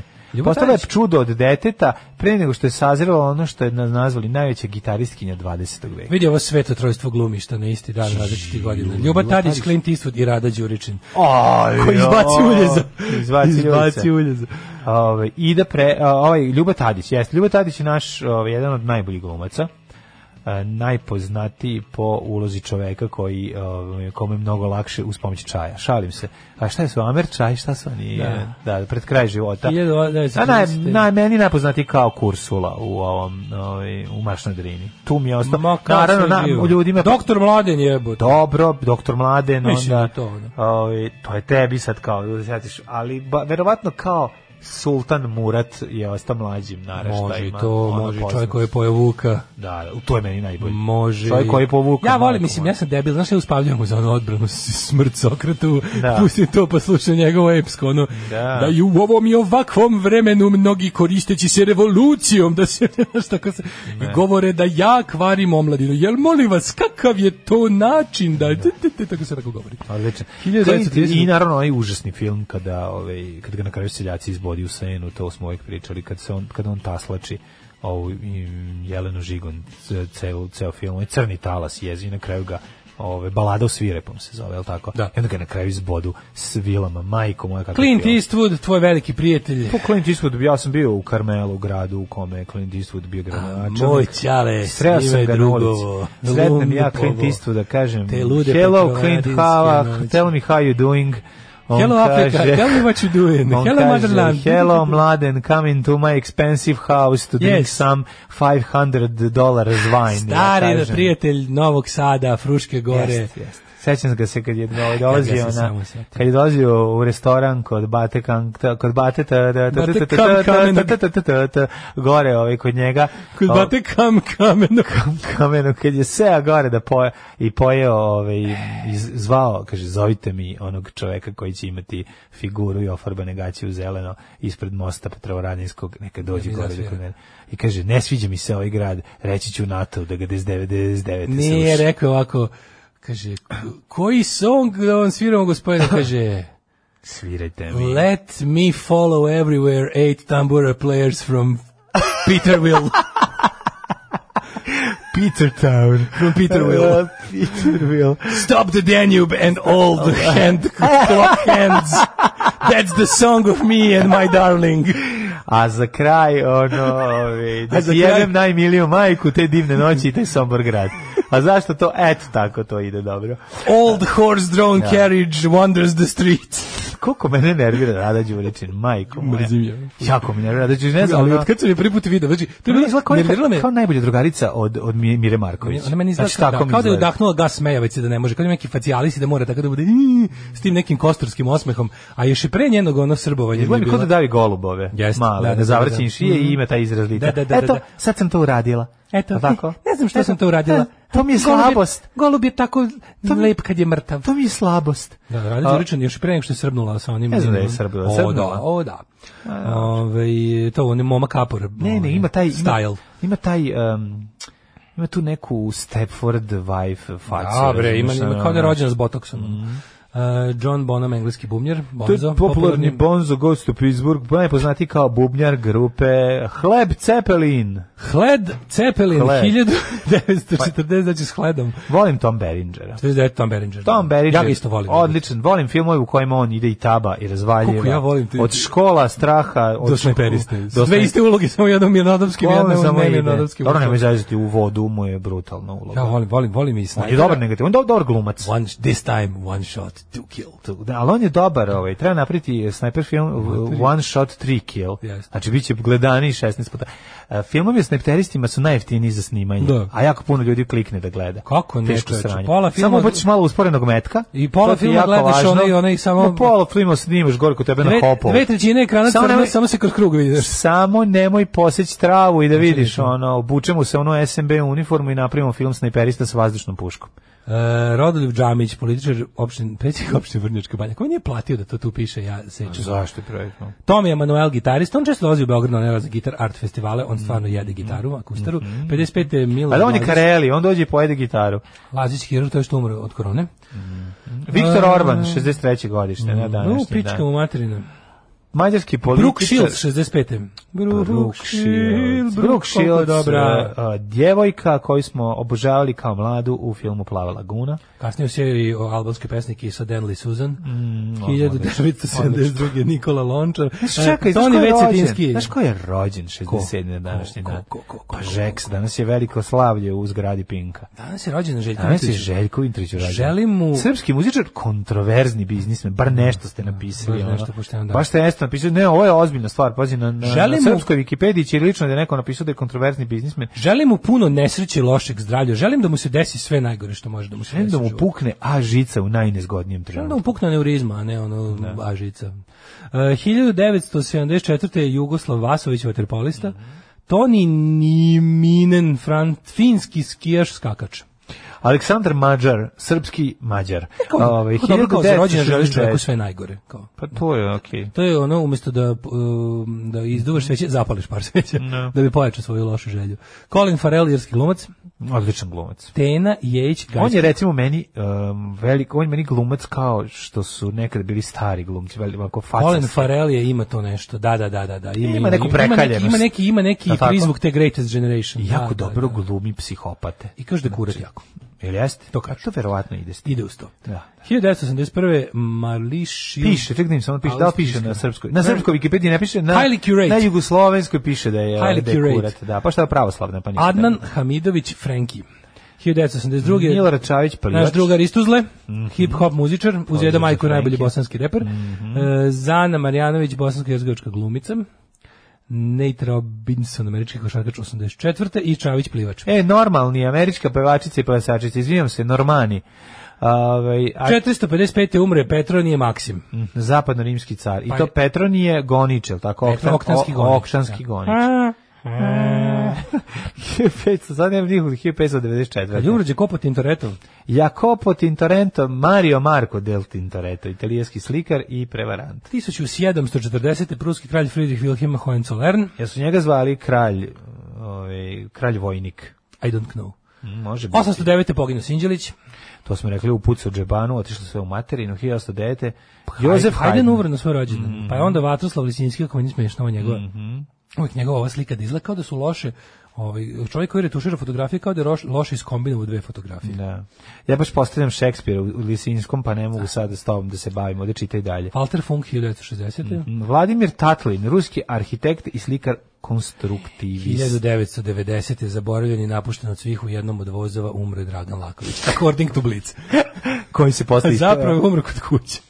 Okružen porodicom. Da, da, da. 1990. Ma drogirao se u vozu sa Dujmovićem, da. Daurom koji je umro Da, da. 1999. I drugim velikim svetskim narkomanom Timotijem Lirijem. Znači, to je bilo strašno. Samo što jedan umro 91, 96, 91, 99. Da, ali i sva, tra, sva trojica u vozu, Čekaj, sve Duvić izvršio sam ubistvo, izvršio sam ubistvo ono zlatnim znam, metkom ili... Mislim da se on, ne znam, Overio. mislim da se overio, ali možda Ali, greši. da li je to bilo namerno? Petar Mladenov, Pa ne znam da li je bilo namjerno, ali umro je 2000. jako mi žao, bio je baš dobar Umro je, glumac. umro, umro je on. Ove, baš, baš, baš mi je dar, draga Davor Dumović. I ono mislim da je on u, u onom... Um, Ali koliki... Ali je nadrealiste, onako baš, baš je pojačao. Jeste pojačao, njegov prisustvo pojačao, Da, da, da, da, da. ali, ali ako postoji izraz narkomančina, to je onda bio on. Pa ne znam, ne, ne, Ja, povezam taj to baš nekog. Ne, on- znaš on ko je meni narkomančina? Pa on je bio u fazonu, vozio bi se 500 km slobode. Vozio se, pa pa to, to- to svaki To je super junkie. To je svaki narkoman. Ali ovo je baš super junkie. Ne, ne, ne, A pitanje je da li može što. Ne, ne, svaki bi možda hteo, ali ovaj to uradio. Da. Znaš, kao i ovde, on je išao kad je našao, rekao, sjeo sam u kao da sam u Makedoniju da se puknem jebote. Da, meni je Meni je naj, pa zašto mi ideš direkt na Slavinu, još u fabriku. Slavinu. Kada hoću da idem jafu, idem u crvenu. Tako je. To je normalna stvar. Kada hoću da se puknem, idem u Makedoniju. Idem u ču, čučer. Ali ovaj, ono što, što je ovaj, zanima, meni recimo, on nije the junkie. The junkie, Bare, te the generacije, ne. Ne, Ko? nije mi ni čak ni bare. Čikalo je meni junkie generacije. Ko? Zato što je uvek tu i sve u redu, ovaj, kako se zove, Bakočević. A, dobro. A ne znam da li je. Pazi, ne znam ni da li je. Razumeš, nego nekako mi ima taj ima ti koji su, znaš ko je bio recimo the Dobro, junkie? bili su Pervić i ti sad, Pervić, ali, pa ali dobro. nije mađo Dujmi, ovi su bili, ovi su bili, bo, Dujmić je bio, ovi su bili deca bogatih roditelja, znaš, Da, da, treba- da. Ovaj je Gari ginuo za svoje drogiranje, razumeš? Ovo je baš ono, ovaj se Pa dobro bio celebrity, nema mi zajebavati. Dujmić ono, jeste zbog, zbog ovaj, kako se zove, doma zvešenje. Da. Ali je, znaš, kao nekako je bio više, bio više, više, bio više narkomanski pregavac od ove dvojice. Dobar, dobar glumac. radnik. Dobar glumac. To ćeš kada mu bilo teže. Pa to ti sad da više se cimao se Pa više. Moguće, da. Cimo se više da uradi sebi gore. Da. furam svoj fazon, šta ja znam, volim lance, volim zavoje, volim tank. Radio Daško i Mlađa. Prvi program. Evo nas uh, sa ove, vama u 8 sati 31 minut. Davno smo trebali da budemo u drugom satu, u drugom satu hej, a mi još nismo stigli ni da vidimo vremenske prilike. Odgledao sam sa suprugom Agelast podcast za vikend. Pitala me zašto ovaj dobri čovjek s naočarima ćuti, ne može da priča, ne može da dođe do reči. Gledao sam u pod i nisam znao šta da odgovorim. Reci joj da je to zato Baš nije tačno, ja mislim da sam pričao. Ja stvarno ne znam. Ne, nije, ja nisam dao da govorio? pričaš. Nisam ti dao da pričaš.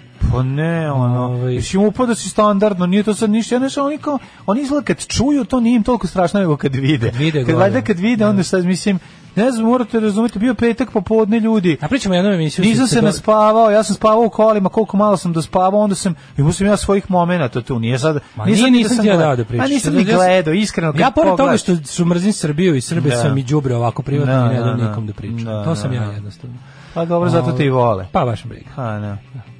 A, ovaj, kako se zove, pita lik šta, da li znate šta se dešava na N1, a vi odgovorite da, ne može, da možete da pretpostavite i ništa nam ne kažete. Pa dajte neki trač naši smo. Pa ne znamo, ljudi, stvarno, iskreno. Možda da- nagađamo, ajde nagađamo recimo da Pa će nagađamo da će recimo ljudi koji su dakle otišli u, u verovatno završiti na Euronewsu ili na onoj drugoj televiziji što će se emititi isto na na režim cable. Eto, Pa mislim da što da, druge nemaju ni gde da odu. ja, nemaju gde da odu, a sad zbog čega je to tako imaju tamo Ja, znajući neke od tih ljudi, ono što sam ja čuo i videći na koji način su bili tretirani, ne, nijedan nije mi čudo što su napustili. Tako da, samo sam to te da kažem. Mislim, hoće ljudi i veću platu, verovatno. Ne hoće samo veću platu, ono- će voći ljudi da ih ono ne dobijaju ono e, prazne ono i čiste tanjire nakon što su 30 godina rade novinarski posao. Eto, to je možda ono, znaš, ono, i nećete budu zadnji govno nasvirali. Možda i zato, otkud znam, ima razli, različiti su, su razlozi, a sad vi ih pogađate koji su ti ljudi i zašto je to tako. Jednostavno, a, Mislim, nekom ne da- odgovara. Ako odu, ako odu sa N1, a ne, a ne ostanu u istoj medijskoj kući koja još drži jedino novu S, jedino gde mogu da odu, a da ne bude baš skroz onako providan prelazak na režim, mislim, jeste prelazak na režim, ali je ovaj, kako se zove, ali je ne toliko providan, je da odu na Euronews ili na ovaj... šta će najsmešnije biti?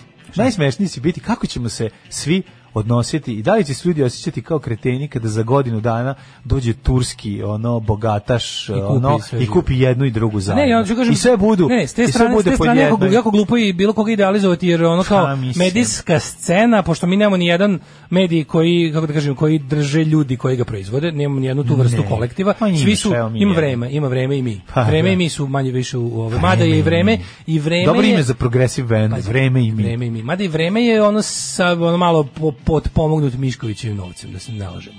Mislim direktno Miškovićevim novcem, ali je otprilike neka vrsta ono akcionarskog društva u rukama A dobro, i proizvođača. mi smo pomognuti nogom, novcem Vlaškog maga. Pa, dobro, on ne plaća. isto. Ali eto mislim, ima. mislim da zapravo jedini primjer ovaj potpuno samofinansiranih su, su su nekoliko nas koji radimo radio i podcast. Ostalo sve manje više. Dobro, to su male Ostalo firme, sve manje više, pa to je zato i moguće. Da, zato je moguće. I napravi veliku firmu, Proizvodni troškovi nisu toliko veliki. Pa, da. Tako da nema nema potrebe da da idealizujete medijsko tržište jer ono zaista je vođeno na prvom mestu profitom. I ono kao kad ste svi padali u nesvest kad je ne znam Antena grupa otkupila B92 pa ga ono počela da ga, da ga krni da bi ga na kraju prodala trećoj ono grupaciji i napravila od njega to što jeste. Mislim to to su stvari koje su Gledajte mimo kao kontrole. velikog proizvođača piva. Ne, ne, to su stvari mimo kontrole ljudi koji to rade. Ali što se tiče ličnog integriteta i tih stvari, naravno da ljudi mogu mnogo toga da urade, da budu sa manje ili više integriteta. Ja ti kažem, ja nemam razumevanja na prelazak za, za takve stvari, tako da, mislim, ja sam u ako nešto mogu, ja mogu i drugi ljudi. zato što ne mislim da imam super moć. Ovaj, e, Možda imaš, a ne znaš. Čovek iz naroda pokrenuo komunu, propagirao socijalizmu, nosio zvezdu, ubili ga kapitalisti. Kapitalisti posle potrali svima krst kao simbol i još im ga prodaju i učete da je u redu kad te neko udari da okreneš i drugi obraz. Dobro, to je učio i sam ovaj Isus Hrist. Je- mislim, to rano hrišćanstvo je neka vrsta mazohističkog socijalizma. Neki socijalizam u kojem je glavna fora i patiti. magije, tako da Dobro, bi da, socijalizam s magijom. Pa, da. mislim, Ali o, ta, zato se, ta, time se opravdava mazohistički deo. Lako je to kad napraviš od vode vino. Mislim, ja kad bi napravio od vode vino... A, onda bi ja, mislim, ali ja bi ono- volao od bližnjeg svoga. Pa, mislim, onda bi sve to bilo drugačije. ali stvarno kad pogledaš to je jedan mazohistički socijalizam gde se taj mazohistički element pravda time, sve će biti u redu, doći će lik koji baca magije na kraju, sve će to doći na svoje. A još jedna stvar, htio sam da kažem da mi neke stvari zaista ne znamo. Iako vam se čini, možemo da kenjamo o svemu, jako puno da se pravimo da znamo, pa da to bude smešno, ali mislim, realno neke stvari ne znamo. Tako da, Nećete verovati. šta se zaista dešava tamo, koji su planovi i koji su putevi gospodnji i, E, imamo i gde mi sve neke- ide u kom pravcu, malo i ne znamo. Imamo mi neke svoje, što kaže, inside informacije, ali te isti Pa, ljudi da. zamole da ne pričaš u interesu, ono, Tako je, tako razumeš, je. moramo da budemo i mi ono, protecting our sources. Upravo to. Ovaj, um, kaže, nemojte da pravite onakav ton uh, u mikrofonima kao što Galeb ima, to je taj preamp, to vama ne treba. Ovaj, pa ne, nama bi to trebalo u smislu ne da menjamo ton, ostao bi nama ton isti, nego bi bilo super što ne moramo Nije, volko da se lepimo, gostiju, možemo Ne, to je zbog gostiju, jedino što gosti nisu navikli, mi smo navikli da zalepimo Pa mi ovaj jesmo, ali usta. znaš kako bi bilo lepše da možemo se naslonimo i da nemam pojma, maš bilo bi da malo Ne, lakše. Pa možda bi ne Za 140 evra. Navikao sam Bi da bilo malo lakše. Navikao sam da pevam, pa ovako Pa to da, radim. pa upravo tako da nije mi problem. Ove, jedini pravi nezavisni mediji koji ne finansiraju krupni kapital i udba je Srki Royal Media. Ove, da vas ja pitam šta se dešava u UNS-u, dobro, tu, tu su stvari malo jasnije, a to je Koga boli kurac za unc? Da, ne, ne znam, mnogo ove, zahtevate od nas neke odgovore na, na pitanja koje su prilično. Sačekajte ponedeljak je pre podne da vidimo kako se imamo, stvari imamo, dešavati. znaš kao, imamo e, prethodno iskustvo plus ono malo neć, nekih ličnih poznanstava.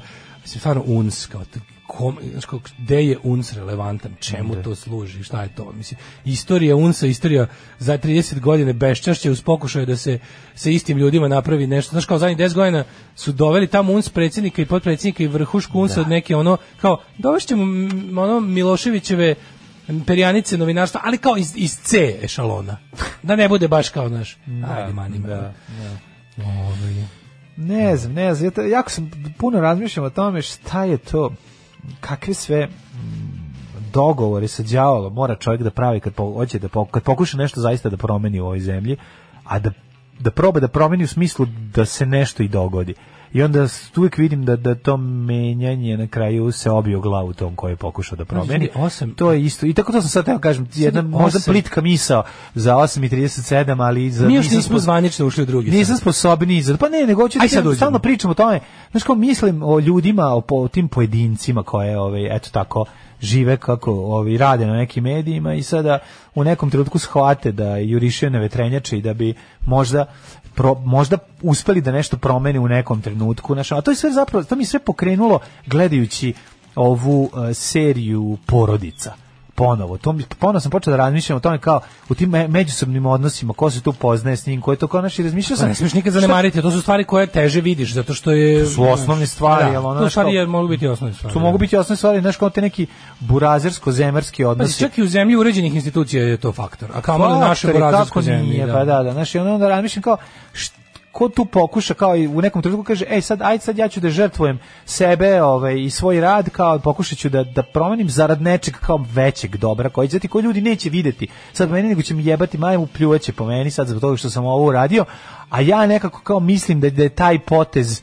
važan jer je kao ja ću odraditi žrtving a to će u budućnosti ovaj stvoriti nešto bolje eto to a dalje je to Imaš neki moguće primjer takvog? pa Ja- ja- meni što ne mogu se setim nijednog pa ne, sad primjera. ja samo Znam što ćeš da kažeš, ali ne mogu pa da se ja setim razmišljam nijednog. o tom um, o tom uh, u situaciji u kojoj se našao Đinđić kad je morao da pravi kompromise da bi sklonio ovog. Dobro, to, je super stvar. To, to što on uradio tad, ja ga samo zbog toga volim. Pa ja ga jako volim, ali s druge strane dobio i uveo je mislim ono crkvu u, u školstvo. A to misliš, na Pa taj potez, ti za taj ja Pa evo primjera. Miloševića, Ne, ne, ne, ne, potez ka- potez A hapšenja Miloševića a to je bilo, a viš, a to mu je bio glup potez. Znači tu je potpuno ispod glup. Znači davanje, vraćanje veronauke, Ali to ti- ništa mu se ni Ali to je bio us- uslov da ovi, a to je bio uslov da ovi pri, da ne, ne, ne pokreću ove svoje pa, ljude. platio glavom i, Pa- i, opet odveo, razumeš? Pa sve okej, ali ta vrsta prekinuo to je bio truli kompromis. To je bio truli kompromis. To je kompromis u kom ti u kom ti- uradiš nešto, Dobro. a druga strana to vidi kao tvoj slabost Hajde, isključivo. pa, ali, i kazniti ali kako je drugačije moguće u Srbiji? To samo hoću da ti kažem. silom. Pa to silom, ti silom. znači druga- 45. samo. Da, 45. Naj, najbolja godina u istoriji Srbije. Da. Samo 45. Znači, kad bi, kad bi doživao nešto nalik na to, bi umro bi srećan. E, ćemo Ajmo odmah u u Schopenhauer. hop- mikroklimu u Ajmo, ne, ajmo. Schopenhauer. A možemo i da pročitamo. Dobro, Ajmo i jedno i ne, drugo. Ne, ne, evo, ček samo da grunemo 8 sat časova, pa ćemo da krenemo. 8 je časova. Radio Daško i Mlađa. Prvi program.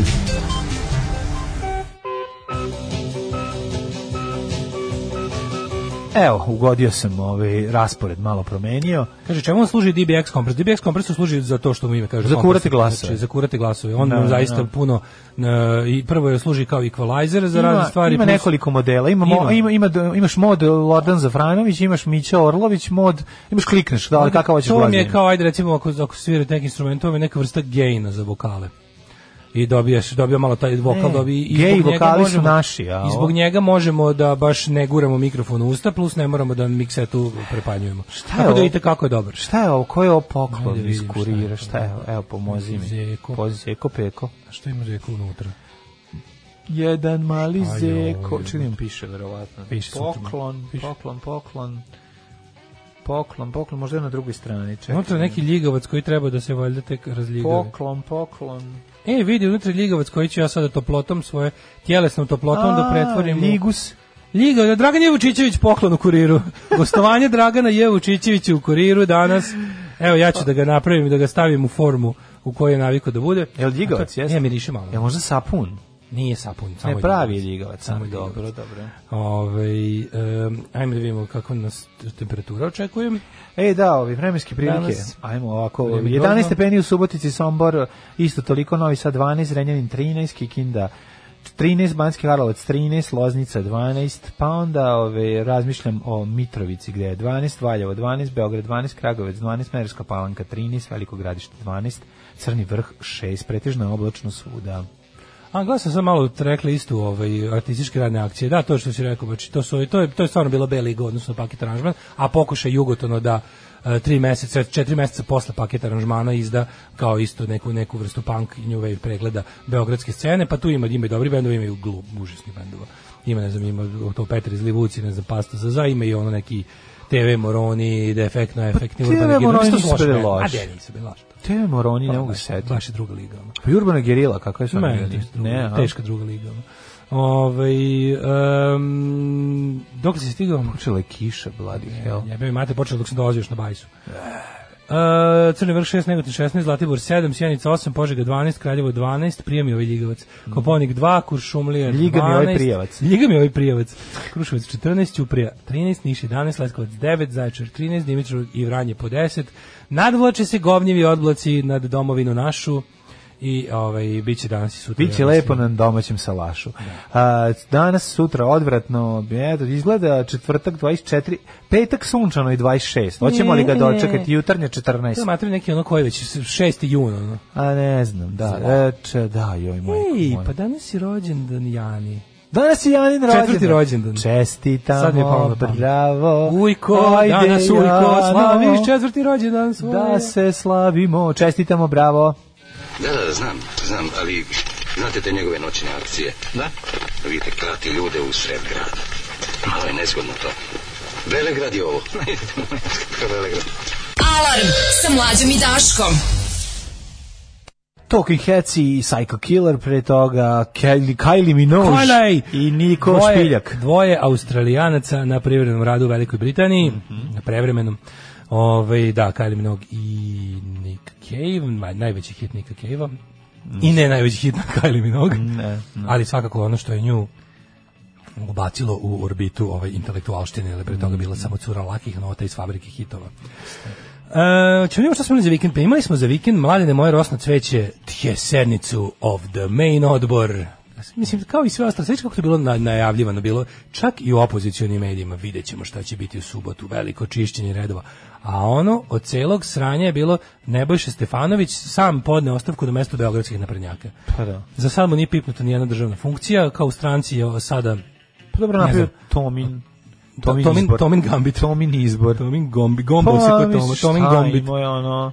Ne, Toma je drugčije. Povuci ne, sa- ne, Toma je drugčije nešto uradio. Mislim, jeste u principu sklonjen kao Toma, ali e, da malo uđemo u analizu, pa imamo ono kao razliku u tome što recimo šta je radio ovaj, mislim, on nije vođio S- Slav Gajtan da se besi, nego je ovaj otprilike sam primetio da je zbog e, zbog mimo njegove volje, iako znaš, nije on baš priznao da je zasrao i da je ne znam šta, nego više rekao kao ono, meni nije ni važno da li sam u pravu ili nisam, meni je važno da naša stranka funkcioniše, a pošto vidim da trenutno jako oče funkcionisanje stranke, ja ću da se sklonim jer partija je veća od svakog od nas pojedinačno. Da, ja, priznajem, moja- ja priznajem sud svoje partije, a da ne bi do, doživljavao sud svoje partije, ja ću sam sebi da, kao, I moja, iznesem presudu. moja njiva je veća od svih u Bajčetini, sad dovoljno velika i ne mora više Tako da je, znaš, A pri tome je Dragici ostala, ostala kuća u centru Beograda. Naravno, drug Slina je uradio isto to. Mislim, prvo nije ostao... Dok Slini iz, izbijeno oružje iz ruke, nakon što su ono, nakon što je Slinina ekipa razgleda gleda seriju. Slinina ekipa, ekipa, nakon što je Slinina ekipa ono rasformirana. Mislim, ajmo sad vidjeti realno, nakon, nakon ove, to je sve krenulo sa Ove, dobro krenulo mnogo ranije, ali Krenulo može se je reći da je pad da je pad ove, Mislim da Hrkalovićke i ove ekipe Da zapravo to, bio taj ostaje pitanje, da li su oni hapšenjem Belivukove ekipe izbili pešadiju Slininu? To mi ne znamo. pa ne to još znamo, nije ali ja- pa to da, čak možemo, još nije ni možemo da spekulišemo. To čak nije ni jasno baš skroz. Nije, mislim to to se to se da to može spekulišemo i sad Pa to da. što zapravo meni je tu čudno što tu priču najviše guraju režimski mediji, znaš, i- ali onako suptilno. I onda kada A ne ti- guraju, des Gure, guraju. gure, Niko, gure. niko ne pominje to, to svi, mislim, Pa guraju znaš, ono, na način na koji način na koji recimo su, kako ti kažem, ba nisu baš tako, naučili su iz primjera tome da se to može uraditi sa mnogo više dostojanstva i sa mnogo manje štete po rejtingu. Mislim da to samo sa izguravanjem tome je samo prećeno. Vučić ima jedini e, osetniji kao osetniji, nedovoljno da ga slušali. Pad rejtinga ima u vezi kad je kad je izguravao tomu. To je tu je bilo zajebano jer su oni baš onako baš Pa jesu bili nokati mesa. a zato što su krenuli sa ultrastaljinističkim metodama, tipa ono sklonili Ježova sa slike. Da, mislim. da, je. Sad ovdje da ne bi opet jebali Ježova. Kako je dobra ta fotografija Da. gde Vučić. Pa sad ne rade baš sad to. nema. Sad ne rade to. Sad dobra ti je dalje- fotka, ovaj, ide po netu to kako je ovaj Nebojša na slici, pa Nebojša On je. Ježova, ovo je Stalin. Da, da, da. Ali se primetio da Vučić i dalje, Vučić je odoleo da prođe, prošla je cijela stvar, sklonio ga iz, iz stranačke organizacije. A, nema, ja mislim da nema potrebe da ga sklanja sa ministarskog mesta, jer ova vlada će svakako uskoro pasti, jer treba ovaj, lepiti izbore za sledeće ove redovne izbore. Znači mi ćemo imati izbore za novu skupštinu, samim tim i novu vladu zajedno sa predsjedničkim i ovim, kako se zove, lokalnim. Tako da ova vlada će, da, ako pogledamo da je sada ta ova vlada će ima- imaš efektivno manje od šest meseci rada. I za tih šest meseci on stvarno ne može nikakvu štetu veću napraviti uopšte. I nema, nema potrebe da, pri- da se prikazuju kao, znaš, nema potrebe da se prikazuju kao razjedinjeniji i, fra, i, i, i fraktalniji i ostalo nego, nego što jesu. Da, ali ona druga stvar koja meni stvara ovaj, zapravo mm, mi teoriju zavere u glavi, živim sa teorijom zavere u glavi, ali ovaj, e, nisi primetio da je zapravo mm, odlazak Nešin sada je zapravo, čini mi se, krenuo sa biološkim odlaskom njegovog oca. Razumeš kao da to možemo to po- možda možemo to povezati. Da zapravo jer Ima ako znamo teorija da je on da povezivan je on u sa stvari- trgovinom, a ne, njegov otac jeste trgovac oružjem, pa to, ti to, je, to je činjenica, kao čovjek se bavio prodajom oružja. Je- zapravo te pozicije koje su, mislim, cela priča je krenula zapravo oko trgovina, kad, je- kad je krenulo, kad je pukla tikva. Ali, da. Pukla je na, na, na toj priči. Mislim, Pukla je onda se odjednom pojavila Jovanjica što kažu da je ovaj njima vratio za za oni vi meni Da. sjebavate, vi meni sjebavate poručje biznis, sad ću vama Sad ću ja vama, da, da, da. Ali je tu nešto interesantno da njima sada priča kako sam kao sveti, da, da njegov čale zapravo i umro od toga što su ovaj e, na taj način bili oni jel mislim, to su sve to su spekulacije, priče, ali, priče. ali da, je mislim, fora što nekako je i meni interesantno recimo da njega Vučić onda u tom trenutku posle svega toga Vučić njega stavlja na poziciju da je još više zapravo u mogućnosti da se bavi stvarima jer on je većinu tih nekih pizdarija obavio kao pred, kao ministar policije u punom izgurao ceo mandat. Sklonio ga sam to mesta i stavio ga ministra vojsku. Pa znam ali vojska je trenutno, Pa kako znam, bi ti rekao, zadnja rupa na svira. Pa jeste zadnja rupa na svirali, ali je, ali je važ, instrumentalnija je u izvozu oružja od MUPA. Znaš, mislim, sva ta, sav taj naš ovaj, i, i SDPR, i import i ostale te firme, to su vojne kao Pa dobro, moguće da ga je sklonio da bi mu izbio mup iz ruke, pa onda, ovaj, pa, da, onda najurio da, tamo pa, njegovu to ekipu. i Stavio to je ga, to. upravo si da ga je sklonio da mu izbio MUP iz ruke, jer kod nas MUP kakav je daje Uvek je- je jači od od, vojske. je jači od vojske, Jači od vojske, pa od da. 99. mnogo, a i ne samo što je bolje opremljen i masovniji od vojske, nego što je fora što je jednostavno MUP je kod nas ono jedno od, jedan od naš MUP je jedan od stubova kriminala u ovoj zemlji, razumiješ? I onda je fora što jednostavno ti kad imaš MUP ti imaš i kriminal, ti si ti, ti držeći, znaš, kao držati naša policija sprečava mali kriminal i proizvodi veliki kriminal, to je posao, razumiješ. I onda kada lepo imaš ono, kad imaš to, onda imaš, dok vojska, mislim, vojska nema potencijal, možda bi vojska isto bila neka ozbiljnija kriminalna organizacija. Mene bi čudilo da, pazi, mi da smo malo skrajnuti geografski, mi bi imali situaciju u kojoj bi neki sigurno, neki malo, malo sposobniji narko diler koji je na nivou kartela bukvalno preuzeo vojsku i koristio je kao svoju mislim da znaš da smo mi Meksiko samo da situacija A, tako to bi se pošto znaš da u Meksiku vojni kart, ovi ovi narkokarteli su stvarno prave vojske Pa dobro, nisu avijacijom. preuzeli vojske, nego imaju svoje. Pa jesu preuzeli. Znaš ti koliko aktivnih vojnih lica meksičke vojske prešlo da radi kao kao da budu isto to samo za za Pa za da, nisu kupili meksičku vojsku, kako ti kažem, drže... Nisu je kupili, Da. ali su jednostavno kupili su ljude, su ljude, a da. ljudi su im omogućili da nabave i opremu. I ti sad pogledaj malo zadnjih recimo 10-15 godina gomila uh, nema ovih meksičkih vojnih lica generala meksičke armije i svih rodova vojske je jednostavno otkazalo poslušnost državi i prešlo da radi u privatni sektor i sad su načelnici oružane sile kartela. A neki karteli u Meksiku imaju artiljeriju, imaju avijaciju, imaju mornaricu, znači oni imaju podmornice, imaju Znači imaju, imaju, oni Los Zeta su jebote imali dva, ovaj, kako se zove, suhoja, dva malazna aviona jebote, vojna, naoružana. Da. Sami to jebote. Su izvršavali njima operacije protiv ov- ovih postrojenja za proizvodnju drugih kartela. Suparničkih. Sa Jedva napadate ček- jedva jebeni čekam vojni avion. As, na, a, narkomanski asovi neba, da gledamo. ono, Bukvalno, da vidimo. narkomanska eskadrila, ono. No, ono, naš, putni se u Venu Dalibor, idemo u idemo u avijaciju.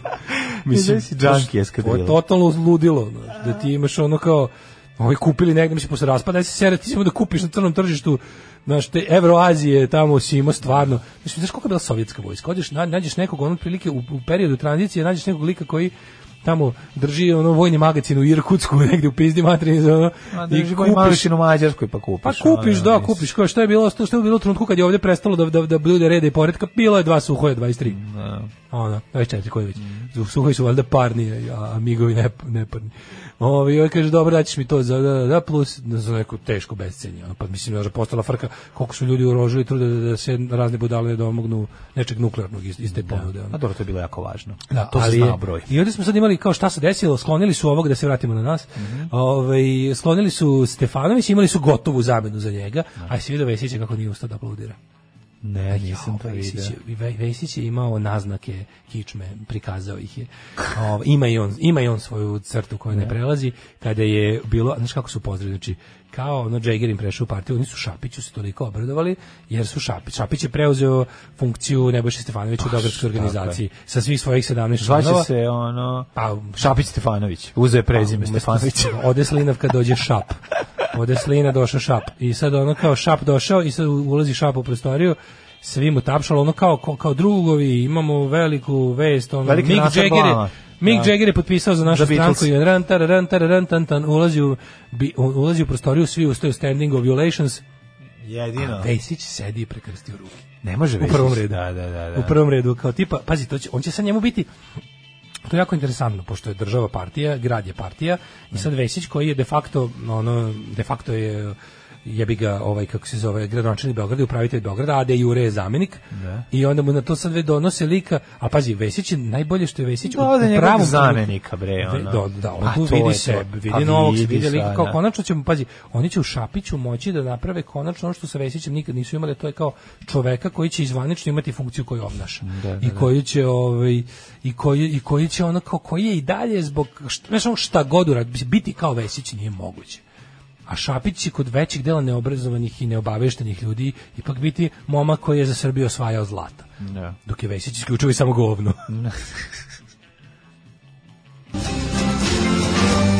Stop, stop, stop. Kaj te sviraš? Labandu. A, ni Mirović u drugom redu nije ustao, njih dvojica su uhvatili buket, pa su sledeći. Mirović, boga mi mislim da nije, to je deep, deep crime. True crime, što bi se A reklo. možda su i njihovi međusobni odnosi takvi. A iz i to, da. ranije, ko to zna, znaš, i to, to ne znamo mi. Ko je bio pustio u Wild Rose u dupe Gecokim No Homo. Ste gledali Sound of Metal, vrlo dobar film. Fader mi je među boljim u ovom veku. Hoće li biti reči o banjcu? Mlađo će biti reči o banjcu. Evo te, A, kako su... Čekaj da ja se izvinjam samo nešto. Oni su zanima. jedna firma, mi smo druga. Jako me To šta zanima. oni rade, mislim, to su naši prijatelji, to sve, ali mi njima ne možemo da kažemo šta da rade. I oni kad urade nešto što se nama ne sviđa i vama, mislim, to nismo mi uradili, mi nemamo s time nikakve veze. Znači, kako da vam kažem, ovaj, oni odu na Balkan Info, mi ne odemo na Balkan Info. Oni se slikaju, mislim, Dime se slika s gradonačelnikom, mi se ne slikamo, mislim, ne znam, jako puno ljudi nam je pisalo uh, i, i danas poruke i meni privatno i ovako kao zašto se on slikao, ne znam. Pa uzmite pa- pa- Tačan što odgovor ne je ne pitate, znam. a što? Da li bi se ja slikao? Ne bi. Da li mislim da treba se slika? Mislim da nije treba se slika. Da li mi je to bez veze? Jeste. Da li treba ići Balkan Info? Naravno da ne treba. Ali uh, mislim, možemo, tu- ako ste htjeli od nas da čujete da nam se to sviđa, naravno da nam se ne sviđa, ali je ovaj ali mi ne možemo da utičemo na to. Mislim, imamo se kao da neko želi da želi da, da, da, da vidi našu ulogu u svemu tome. Našu ulogu smo tome je tačno nula. Ja ne razumem, Tačno ne nula. razumem samo čemu ovaj 48 poruka. Mislim, može Da. samo jednostavno da ne pročitaš, ja ne, ne razumem baš im Pa bombarduju ne, na sve interesantno mi je, ba, vidim da, da to Pa ljude ne zanima, znam, pa rekao, da, ajde kad da. pišu toliko, mislim, znaš, on kao, mi, mi, mi radimo svoje, na svoj način, i ono kao radimo kako mislimo da treba. Mislim, kažem, ono sto puta, ako me pitaš da li bi to mi uradili, ne bismo. Da li nam je žao što ide na Balkan Info i slikaju se, jeste, žao nam je, ali imate, bože, imaju oni svoje, ono na kraju krajeva, ovaj, svoje internet ispostave, pa pitajte njih, ono. Pa ne, ali glupo, znaš, pitaš, šta, pita tebe Ne, da ti kažeš pa imam utisak zašto. kao da, da ja odgovaram za njih, niti oni za mene, Pa niti ja za ne, njih. treba da odgovaraš. Ljudi Znaš, imaju svoje, svako radi ono za sebe, ono što svako što misli da treba da Pa, radi. Naravno, da, glupo. kažem ono, kao, osim ako me pitate za mišljenje, da li, da li podržavam, ne podržavam, jebi ga, mislim, ali ono šta sad. Ovaj em, M- Možda je gradonačelnik hteo da se slika sa najpoznatijim novosađenom. Pa to, to ćemo, mislim, i to je sasvim moguće. Mislim, videlo se da, videlo se da je to bilo način na koji je to urađeno je taj da ono kao super, isku- ukazala mu se dobra prilika koju iskoristio, ali kako je to slučajno preneo va- vazda objektivni i, i nehajni i, i, i svemu ovaj, baš nekako lepo namešteni NS uživo.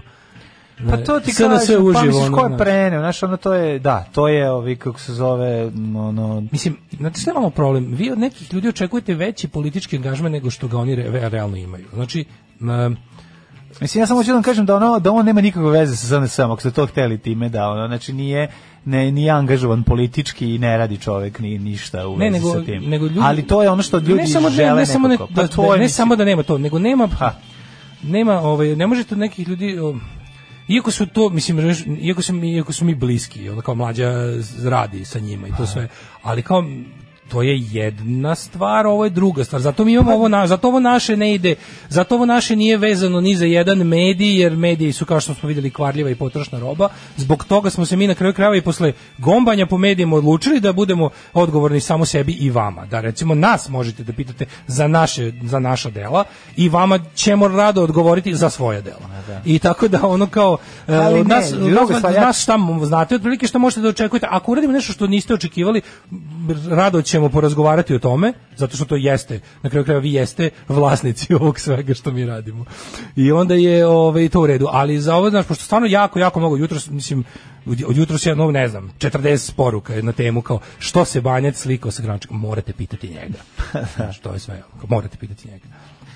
Ali ja, ja isto kažem, ako mislite da je u pitanju prelazak ovaj, u SNS tipa Šapić, mislim, to se, to se neće desiti. Eto, to sam isto htio da vam kažem. Da, mislim, A mi- jednostavno mi- mi- dešava. znaš, Znaš, vre- život me naučio i bi- bivanje na kakvoj takvoj javnoj sceni me naučilo da ja stvarno mogu da odgovaram samo za svoje postupke. Mogu da, kažem, ako me pitate da nešto prokomentarišem, da kažem da mi se nešto sviđa ili ne sviđa, to ću vam uvek rado reći, zato što je to mi je na kraju krajeva i posao, zato me i plaćate. Ali to kao, ali da ja sad nešto imam na to uticaj ili da ti ili da ja mogu nekog da da ja nekog mogu da ocrnim ili ili ovaj ili popravim, jebi ga, mislim, teško. Teško mogu da kažem šta mislim samo ako vas mislilo šta, ako vas je zanimalo šta mislim, eto mislimo to. Ovaj, e, ljudi koji slušaju vas dvojicu 99% gledaju državni posao i slažemo se uglavnom s vašim mišljenjima, time obuhvatimo onda i kreativni trio državnog posla. Mislim da ljudi smatraju da su i ona trojica na našoj strani, pa zato pitaju Pa jer sa vama imaju neku vrstu kontakta. Na sve to slušamo vaše emisije i o patnjama u WC-u pa su smatrali da mogu da pitaju. Možete da pitate, naravno, za Boga sve možete pitati. Samo, samo da se ne razočarate kad nemamo ovaj kad nemamo tu vrstu uticaja koju vi mislite da mi imamo. Pa mislim, To je- se niti da iza te priče ver, pretpostavljam ne stoji ništa što bi ljudi voljeli da, ovaj, da, se, da se desi neki veliki Mislim, valjda vam je jasno da je ono što radi državni posao, da je to mnogo više mainstream, oni na kraju krajeva imaju, e, ne kažem obavezu, ali imaju kako kažem, poslovna odluka njihova je da budu dopadljiviji većem broju ljudi nego naša emisija. Jel tako? Pa naravno. Mi smo odlučili se da, bu, da budemo s- 120%. Ne, ono, ono kao- što ono što je jako da se- da- da ono što stvarno- ljudi zaboravljaju vezano za državni posao jeste da državni posao otišao sa radio televizije Vojvodine državne televizije na drugi deo državne televizije. pa da, znači to nije bio nikakav transfer o kome pričaju i stalno se Pa i to, predstavlja. da, znači da, da. to se nije dogodilo. Da. Druga stvar, vlasništvo projekta nisu njih trojica. Znači to morate razumeti, ta, taj projekat je nastao na radio televiziji Vojvodine. Jeste, da. Oni nisu vlasnici e, žiga državni posao. Znači ne Da, da, možete da, uopšte povezivati, to je ono suština što ljudi ne razumeju.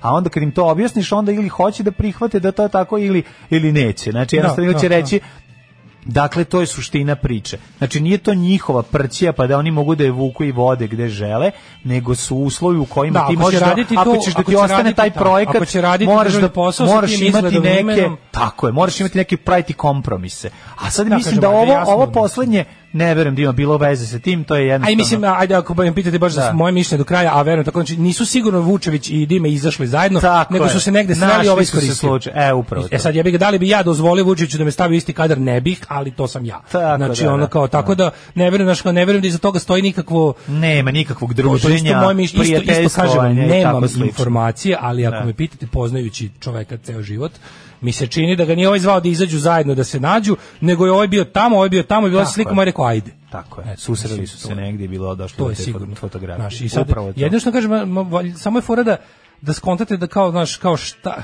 šta gde pripada i šta je, znaš, kao šta je, šta od čega, da, da se, da se tako jednostavno kroz život ne razočaravate ovaj, na, na, na bez kao na- da, ne, da, ne, da ne padate ono u, jednostavno u očaj zbog stvari koje relativno em nisu bitne, em, em nisu ni trebale biti pretpostavljene na prvom mestu. Pa, mislim, eto, to je možda i naj, najinteresantnije ovo zadnje što si rekao. Ali dobro, eto, takav je ovaj, ali zanimljivo je da se ovaj nas uživo našao. Kaže, ovo što je okačio Da emisija. Srcem kroz ravnicu, snimali su emisiju u Novom Sadu i on je bio gost u emisiji. Pa naravno, naš, Da. ono, to je kao što ćeš pitati zašto Dime u onoj emisiji o zbogom Bruce Lee. Pa mislim, Da. eto tako našao se isto tu zato što je poznati novosađen. Hoćemo odgovor na pitanje zašto se Banjac slika s gradonačelnikom. Odgovor je ne znam. Pa evo sad su vam rekli Zajebava se, odgovor. pa da, se, da, odgovor. dobili su. Odgovor je ne znam. Snimali su emisiju o srcem kroz ravnicu. eto. Odgovor je ne znam. Mislim, niko od nas ne zna, realno. Ono šta se desilo, a bilo je snimanje emisije. Vratite se na to da stalno upadam u reč, to bar znam da objasnim. Da, da, da, da. Ove, šta smo imali? E da, ajmo malo zagre, ove, kako se zove, e, zagrebačke prilike. Velika stvar. A, Zagrebu. puno srce, sinoć, čoveče, kako mi je bilo drago. Znači, ali naravno da ja, da, bi, da, bi, da ne bi srećeno otišao u krevet, ja nađem nešto da se iznerviram. I onda prvo gledam vest o, ovaj, kako se zove, Pa dobro, mislim, velika stvar Zagrebu. Ne davimo Zagreb, ovaj, pobedi u Zagrebu. Jeste, znači ono što se kaže zeleno zeleno ovaj crvena koalicija ovaj za, za balkanske prilike ono za, za balkanske prilike u 20 2021 najlevlje nešto što je se probilo u politički mainstream. Ovaj e, pored toga što je levo je dosta važno da je to stvarno stvar koja je dosta samonikla, razumeš i da je ono kao to oni jako dugo rade, to je bio jednostavno jednostavno se isplatilo ono što ljudi na čemu su ljudi radili postupno i, i dosta dugo. E sad, tu se isto može povući dobro paralela sa Nedavim Beograd, ja, ja im želim isti takav uspeh, jer ono što je meni bilo drago i što mi je bilo pozitivno, najpozitivnije zapravo kod Nedavim Beograd i kad naprave neke kikseve i kad naprave stvari koje su meni ovaj, potpuno neprihvatljive, tipa loženje na drita na juru i mešanje u stvari ovaj, u Crnoj Gori na taj način što mi je potpuno bez veze i nije u skladu sa ostatkom njihovog rada, ali o, ono što mi se jako sviđa, jedna od stvari koja mi se najviše sviđa kod Nedavim Beograd je zapravo ta neka vrsta, da kažem, partijskog političkog rada koji nismo videli na našoj političkoj sceni jako dugo, koji smo zapravo videli samo kod Srpske napredne stranke. I gde su oni razvijali organizaciju. Izašli su formirani su ad hoc tako kako su formirani, uh, izašli su na, sad pričamo o Dami Beograd, nema možemo, i izašli su, ja bih ga, u dosta zatucanoj, porobljenoj, siromašnoj, jadnoj i polupanoj kontrolisanoj sredini izbore, bili su jako blizu cenzusa, nisu ga prošli nažalost, ali to ih nije skenjalo, nije bilo ono kao ajmo sad svi u druge partije jer hoćemo se bavimo ovima, nismo uspeli na ovaj način, aj se rastrčimo i prodamo ovo što smo napravili u delove i ide- idemo dalje. I to je bio eto, ono, probali smo, nismo uspeli, čao. Nego su ispravno shvatili da je ako žele da se bave komunalnom politikom, da je to posao za godine, decenije, da je to nešto čemu posvećuje život. I s te strane mi je Nedavimo Beogradu sada najozbiljnija ovaj, e, meni politički bliska politička organizacija. Ja bih volao da je to neka druga, mi volao bih da nešto još bliže mom političkom ukusu, ali nažalost pokazalo se da ostale organizacije za sada nemaju to vrstu ozbiljnosti i pristupa radu i, i, i, jednostavno izgrađivanju organizacije koju ima Nedavimo Beograd. Nedavimo Beograd je ispravno prihvatio da se bavi Beogradom, e, odustali su od nekih za sada jalovih planova za ujedinjavanje za ovaj kako se zove sa sličnim organizacijama na nacionalnom nivou, to je za sad slavno propalo, građanski front nije zaživeo. Da. Na kraju krajeva mislim da je um, ovo bolji način, jer kad nisi, ja bi ga iz, kad nisi from the money i kad si grassroots organizacije koje zaista održavaju entuzijazam aktivista u ovom sada stadijumu, to je najbolji način. Možemo je dosta slična priča, s tim što su oni imali eto sreće da već na prvim izborima na koji su izašli ostvari uspeh, jer, ali to je ta razlika između sredine ovdje i sredine tamo. I ono kad mi neko priča isto i ovdje, naravno da nije isto, pokazalo se po stoti put, jednostavno ne može se reći da je ovaj, u, u Hrvatskoj isto kao i u Srbiji, u Hrvatskoj je ipak mnogo bolje, što pokazuje gomila faktora, a jedan od tih faktora je taj da je tamo jednostavno društvena svest na više nivou, pa su za gradona ne pustili u skupštinu da se čuje i tamo i njihov glas, nego za gradonačelnika izabrali lika, dobro, dugo, dugo mi je trebalo da im pad dođe iz dupeta u glavu i da skinu Bandića koji se jednostavno na sličan način kao Vučić u Srbiji hobotnicirao u Zagreb. Ali jed- jednostavno tamo je tamo je dobro, ok, mora čovjek fizički da nestane sa ovog sveta da bi mu se organizacija mogla razjebati. To je jako strašno. Znači, kad pa, strašno je kad se da, ali nema veze, ali su se, znaš kao, e, sve može, sve možeš reći o ne znam čemu, o, o svačemu, ali kao da je grupa ljubitelja Zagreba, pravih ljudi, pravih purgera koji vole svoj grad, koji imaju neku ideju, koji imaju prvo ono kako da kažem, mržnju prema bandićizmu, mržnju prema investitorskom, e, ovaj, kako se zove, urbanizmu, mržnju prema svim tim glupostima koje su davile Zagreb kao i Beograd su se politički brzo organizovali, uradili gomilu stvari koje su za sada na našoj političkoj sceni i dalje nemoguće. Prvo što organizovanje ne tako svako ko je na bilo koji način pokušao politički delo da se organizuje bilo kakvu grupu koja je politički predznak zna koja je količina sujete ljudi koji su u tome ovaj po prirodi jednostavno prisutna. I jednostavno to sve prenebregnuti, okupiti takve ljude na tako brzo i tako dobro se snaći i naći svoj put je mislim to je jednostavno kako Umetnost. to je umetnost to je Da. stvarno veština koju smo viđali samo kod lovom motivis, motivisanih interesnih grupa u ovom slučaju političkih stranka. Tako da je to jedna stvarno svetla tačka za od koje ja kažem ne znam da li možemo mnogo da primenimo, ali svakako naš taj entuzijazam, disciplinu i požrtvovanost možemo. I ako, ako neko u, možemo pri- vidi ne davimo Beograd, Da dajemo Beograd, mislim, naš kao. da, da, ako, ako, je, ako je neko u tome može da vidi o recept za davanje Beograd, bilo bi super da ga tako vidi.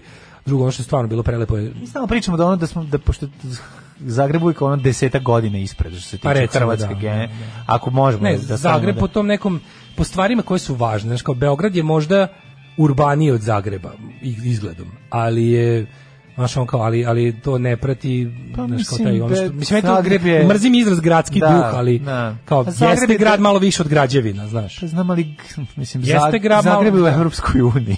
Znaš, ono, Zagreb to- je Evropska unija, da, da, ono, mislim, ali ja bi ja bi se znaš kao recimo znaš kao isto to imaš verovo ili ne taj jači taj taj osjećaj grada kao neke što kažemo organske ali neke zajednice ljudi i prostora je mnogo jači ovaj e, mesta gde recimo Beograd se stalno hvali svojom veličinom, svojom izgra, svojim znaš kao jednostavno na oko je Beograd najurbaniji grad na Balkanu, hands down.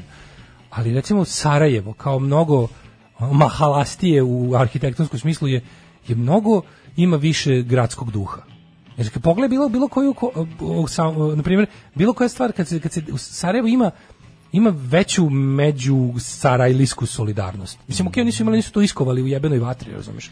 Oni su to sve i da su, i pre rata su bili takvi. E, ono što ih je provuklo kroz okupaciju je bilo to što su ono kao, znaš, izašli su izranjavani, jadni, polupani, promenjeni, gori, u smislu ono kao situacije u opštem gradu, ali su ali mi je ostalo pazi danas pretili su onom Hadži Fejzoviću, mislim, ozbiljna masa ljudi je došla pred televiziju. Da, da, da. Znaš, kod nas ozbiljna masa ljudi više ne dođe nigde ako ih ne vučeš za rukav. Da. I onda tako neke si video antifašistički skup u, u Sarajevu prošle godine, ono kad je bilo kad je bilo najava onog nekog ustašluka. Pa mislim ceo grad je došao. Ceo grad je došao i to nije bio partijski skup. Znači, Došli ljudi koji su naš i takve neke stvari su ti pokazatelj jednostavno sad neko će reći da je to možda i lakše jer je Beograd mnogo veći od Zagreba i od Sarajeva više nego duplo. Ali jebi ga, ovo je komunalna politika koja bi trebala da se zapati baš u velikom gradu. Ova vrsta komunalne politike. Tako da ono, znaš, mislim, pre presrećan sam zbog toga što je ono kao drugo, pazi, sklonjen je Bandić, a sklonjen je na način... Pričamo o tome da bi treba, tako veliki grad bi trebao da ima taj jedan nadnacionalni duh. Znaš, to je ono što bi, što bi trebalo da krasi Velegrad, zar ne? A kao što kaže Stevo Žigon, ajte molim vas kakav Velegrad. Ne, ali, znaš, to, je, to očekujem. Očekujem malo više, naš, od, od velikog grada, očekujem, od svih više. nas. Nekad kažem, znaš, super što kad, to ja kad kažem, ja mislim, kad kažem, ovo, ovo je sad samo priča za Beograd. Mi u Novom Sadu još ni nemamo nikakvu organizaciju koja bi ličila ni na Moževo, ni na Nedavanje Beograd za sada. I kod nas kad je to pokušano, to je pokušano lažno i prevarantski. Sećaš se da je nešto slično kao tu komunalnu priču bila ona ona ona ligi, ligino naprednjačka bedna prevara za, za lokalne izbore broj 4 na, na kako su se zvali? Kako su se zvali oni? Ne mogu se. Onaj Ligin plan B što isto izduvao Kurčinu zajedno sa pokretom slobodnih građana. Nešto zeleno, šta? Kako se to zvalo, majko mila? Ne mogu se setim, setit ćete se ono ljubičasto. Ali znaš, to je bilo kao, u kao sad ćemo mi da zbunimo birače i da im dodatno poseremo veru u bilo kakvu promenu i bilo kakvu moć samorganizovane. Grupa građana, jebe mu sunce, nema šanse. Seti Grupa se, malograđana, neko će- nije važno. Neko će poslati mi poruku. Ove, bili su baš aktivni, onako i, i, skandal, i spektakularno prdnuli u čabar. Ali bilo lepo kod ovoga vidjeti, kod Zagreba je bilo lepo vidjeti dve stvari. Jedno je da je to kao pobjeda, jel, ono, kakve takve ovaj, samorganizovane komunalne politike lokalne koje je u svojoj srži ono što je najvažnije antifašistička i ono kao na strani građan, građana. Ovaj i sad to može da se izvrči pouka o tome kako su oni radili. Zagreb ima stvarno gomilu ovaj mislim, imali dva, imali dva jaka zem- zemljotresa. Ima gomilu mesta da, se, da su ovi ljudi jako dobro to ra- radili, ne samo kao oportunistički, kao tipa, ono, desilo se sranje, pa to ćemo mi politički profitirati, nego su se oni zaista to pokazali kao sposobni da nešto organizuju. A to je važnije, od, možda čak i od te političke propagande. Jer kad ljudi vide da tako je ova grupa ljudi koja zna da se sama, a nisu čak ni na vlasti, iz, iz svog manje više džepa finansiraju to sve, ovaj, znaju da se organizuju da urade nešto dobro za zajednicu koja je pogođena božjim gnevom. Ono. Pa znamo, ta, tako, ja tako doživljavam i ne davimo Beograd, zar ne? Mislim, to bi trebalo da bude nešto. Samo mislim da okolnosti u kojima se nalazimo mi ove, i činjenica da kaskamo jel, da, za, Da, drugo- za, za, drugo za, lepo- za Europsku unijom je će desiti toga da će na ova opcija kod nas doći ono deceniju dve kasnije. Mislim, Ali ali se će radi o tome, doći, znaš da su oni mora doći od toga, da. zašto ovo će Da, toliko da. zagaditi prostor da će se, mislim, pričali smo o tome, SNS će se urušiti samo od sebe. jednom Da, ali ali trenutku. urušit će i nas sa, u Pa, procesu, će znaš. ali- Njihov Untergang će biti bolan po sve Pa nas, ali neće neće- ništa ostati, znaš.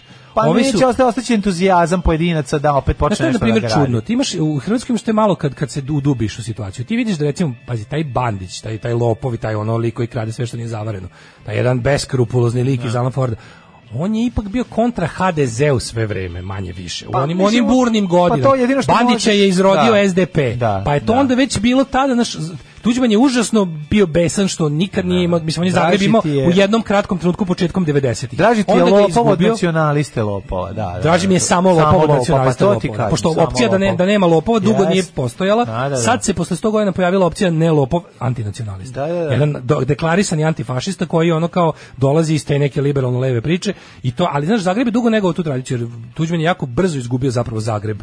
I onda se okrenuo da šta, okrenuo se mestima da da da je furen tvrdi nacionalizam. Ti kad pogledaš u Osijeku, pošto je bilo lokalni izbori Hrvatskoj, šta se desilo? Zagreb promena radikalna, onda ovaj kako se zove Rijeka promena na isto, SDP ostala je, ostala je takozvana crvena rijeka samo što više Vojko Obersnel koji je tamo bio isto kao Bandić 20 godina. Gradonačelnik valjda više ne znam, nije teo da umre na funkciji, pa je doveo svog zamjenika da sad bude gradonačelnik. E, Split promena. Znači pobedili su HDZ izgubio, Kerum se nije vratio, pobedili neki treći koji su manje više centar, što je za ono kakav je Split bio zadnjih 20 godina levo. Pa onda i imaš čuven, znači najgori deo Sla, najgori deo Hrvatske Slavonije, naj, naj, Najsiromašniji. najsiromašniji, najzapušteniji, naj mislim uz zajedno sa sa Slavonija i ovaj deo de, odakle gde su nekad živjeli Srbi pa proterani su sada crne rupe Hrvatske, ali tamo Krajine. je pobedio HDZ i to je Reci pobedio- krajine, ali ti teško da to i izgovoriš. to je pa bivša krajina, da. Ali je to, ali je to ovaj kako se zove, uh, ali je pazi HDZ pobedio u Osijeku, mislim, je, je, ovo je bizarno, HDZ je tamo pobedio drugoplasirane ustaše. Da. Tamo je HDZ kao nacionalistička stranka, lopovsko nacionalistička stranka, pobedila drugoplasirane dom, taj domoljubni pokret, Da, domovinski da, pokret. da. Tako da je ono kao neverovatno je da, da, da stvarno koliko ljudi u najsiromašnijim delovima zemlje uporno glasaju protiv svojih interesa vezani za lokalnog uh, pokvarenjaka. To je to je to je nekako ostalo. To, Pa to je, mislim- od toga ni Evropska unija nije le, Pa- ne leči. Pa ne leči, dobro, pa Da. videli smo, mislim, tako izgledaju i ono predgrađe Beograda, mislim, naš, ono, taj, ti znaš da će uvek ove, izgubiti e, mislim da, da tamo neće glasati ovaj, na način na koji bi ti voleo, iako glasaju protiv, svog, protiv svojih in- interesa dugoročno, a zapravo glasaju ovaj, po nalogu lokalnog moćnika i to je to. Ali meni je bilo drago da je, znaš, taj, mislim, taj škorin, taj ust, ust, mislim, filoustaški, kako oni kažu tamo, pokret, ovaj, je baš spektakularno izgubio. Znaš, bila fora kada, kada se de- desio prvi krug, pa kad je ovaj imao skoro već da pobedi u prvom krugu i skoro sa jedva 12%, je bilo kao, ok, jasno je da će sad sve desno se skočiti na, na š, neće, Međutim, to se ladno nije desilo. Čak su i ljudi, glasači HDZ-a su u drugom krugu, ako su izašli, više glasali za normalce nego za škoru. Kad su već ono, znaš, kad su stajali na nekoj raskrsnici i rekli, ovaj mi je, znaš, kao levo, ali mi je malo bliže, a ovaj je desno, kao, ja sam isto desno, ali on jako daleko desno. I onda kao bolje ipak ne, ovo je ipak malo lud. Znaš, kao, ok, ovo je ipak malo lud, a ovi su, možda su kao, znaš, jugo nostalgični, kako već, šta su već glavne uvrede u, u hrvatskom javnom prostoru, možda su to kao sumnjivi s te strane, kao, znaš, vidi ih, jebi ga, Ovo škoro je takva luzerčina, bukvalno ovaj, najveći taj njegov pokret koji, mislim, on još od i predsjedničkih izbora Ne. leči svoju, ovaj, svoju am- ambiciju ranjenu da bude faktor u hrvatskoj politici. Mislim da posle ovoga stvarno će ga nećemo viđati neko vreme, ali jebi ga, to smo mislili za Vuka Jeremića ovde. Hoćemo Čovjek jednu- koga, ovaj, koga neuspeh ne leči ni Hoćemo jednu purgersku da poslušamo. Ajde. 9 je časova. Radio Daško i Mlađa. Prvi program. A nije mi dao đavo mira, pošto se vi isto niste setili, pa sam izgooglao, setio se, na sasvim druga priča. Sasvim druga Sećaš te priča, da, bede? da, da, da, da. To je bilo sećam kao mi se. smo ono novi pokret. Ono. Da. Ah, Ovde mu- razlike između Zagreba i Beograda što ovde može pobediti samo grupa malo građana. Hrvatska je od uvijek bila 30 godina ispred Srbije u svakom smislu, počeši od mindseta, mi smo dve potpuno različite svete, iako ponegdje ima dodirnih tačaka, nije ni čudo što Jugoslavija nije mogla da opstane, poenta malo nas jel smo govna. Autošovinistkinja. E, Pa to je, ali ne, to nisu mentalitetske razlike, to je nešto što se može, samo što mi nikad nismo nismo dopustili da nikad, problem je što mi smo uvek e, kad imamo problem kao različitosti, mi se uvek e, jedinimo, ravnamo se po gorem. Ne pokušamo nikada da ovog kojem, je, koji, kojem ide slabije malo popnemo ne- negde, Pa, nego ovog spuštamo skroz do, do, do ovog koji je na nižem stupnju. To ti je da prisjedinjenje Vojvodine, o tome su pričali znaš, hiljadu Jedan na puta. petom, drugi je jedan na drugom spratu. I sad ajde da se bar nađemo na, ne znam, da se nađemo na trećem i po ili četvrtom spratu, ovaj pristane malo da siđe, da, da povuče ovog što je dole, a ovaj da sve od sebe da se podigne, ne, ne, ti s petog Pa pređi na drugi, ti s petog pređi na drugi, pa ćemo dalje. Nećeš I podići belu palanku, nego ćeš da ono smanjiš ono Da. pro, pro, ga. u Somboru. Pa mislim, Da, to je ali to je tako. šteta. To je pa što- šteta. A to, to, su- meni je to nekako, to mi, to mi je vrhunski kolonijalni nakaradni odnos. Ti stvarno onda više ispadne da ti stvari pocenjuješ te ljudi jer nemaš nikakvo očekivanje od njih. A to je milo je, bre, to je milo je. Koliko imaš uh, ovih odličnih učenika? Misliš da je to normalno? Treba da se svoje svede na Ja prosek. manastir Tumane zovem manastir Tuđmane. Ja kapiram da bi, kad bi to rekao nekom, ono, nekom otačbinaru da bi te ubio. Da bi jednostavno te ubio. A bi, ne, ono, samo bi- mu ne kažeš, da, mislim, da te ne ubije, zbog manastir- Jačina ovog fazona je Zbog tolika. sotskog fazona, da. Jačina ovog fazona je tolika.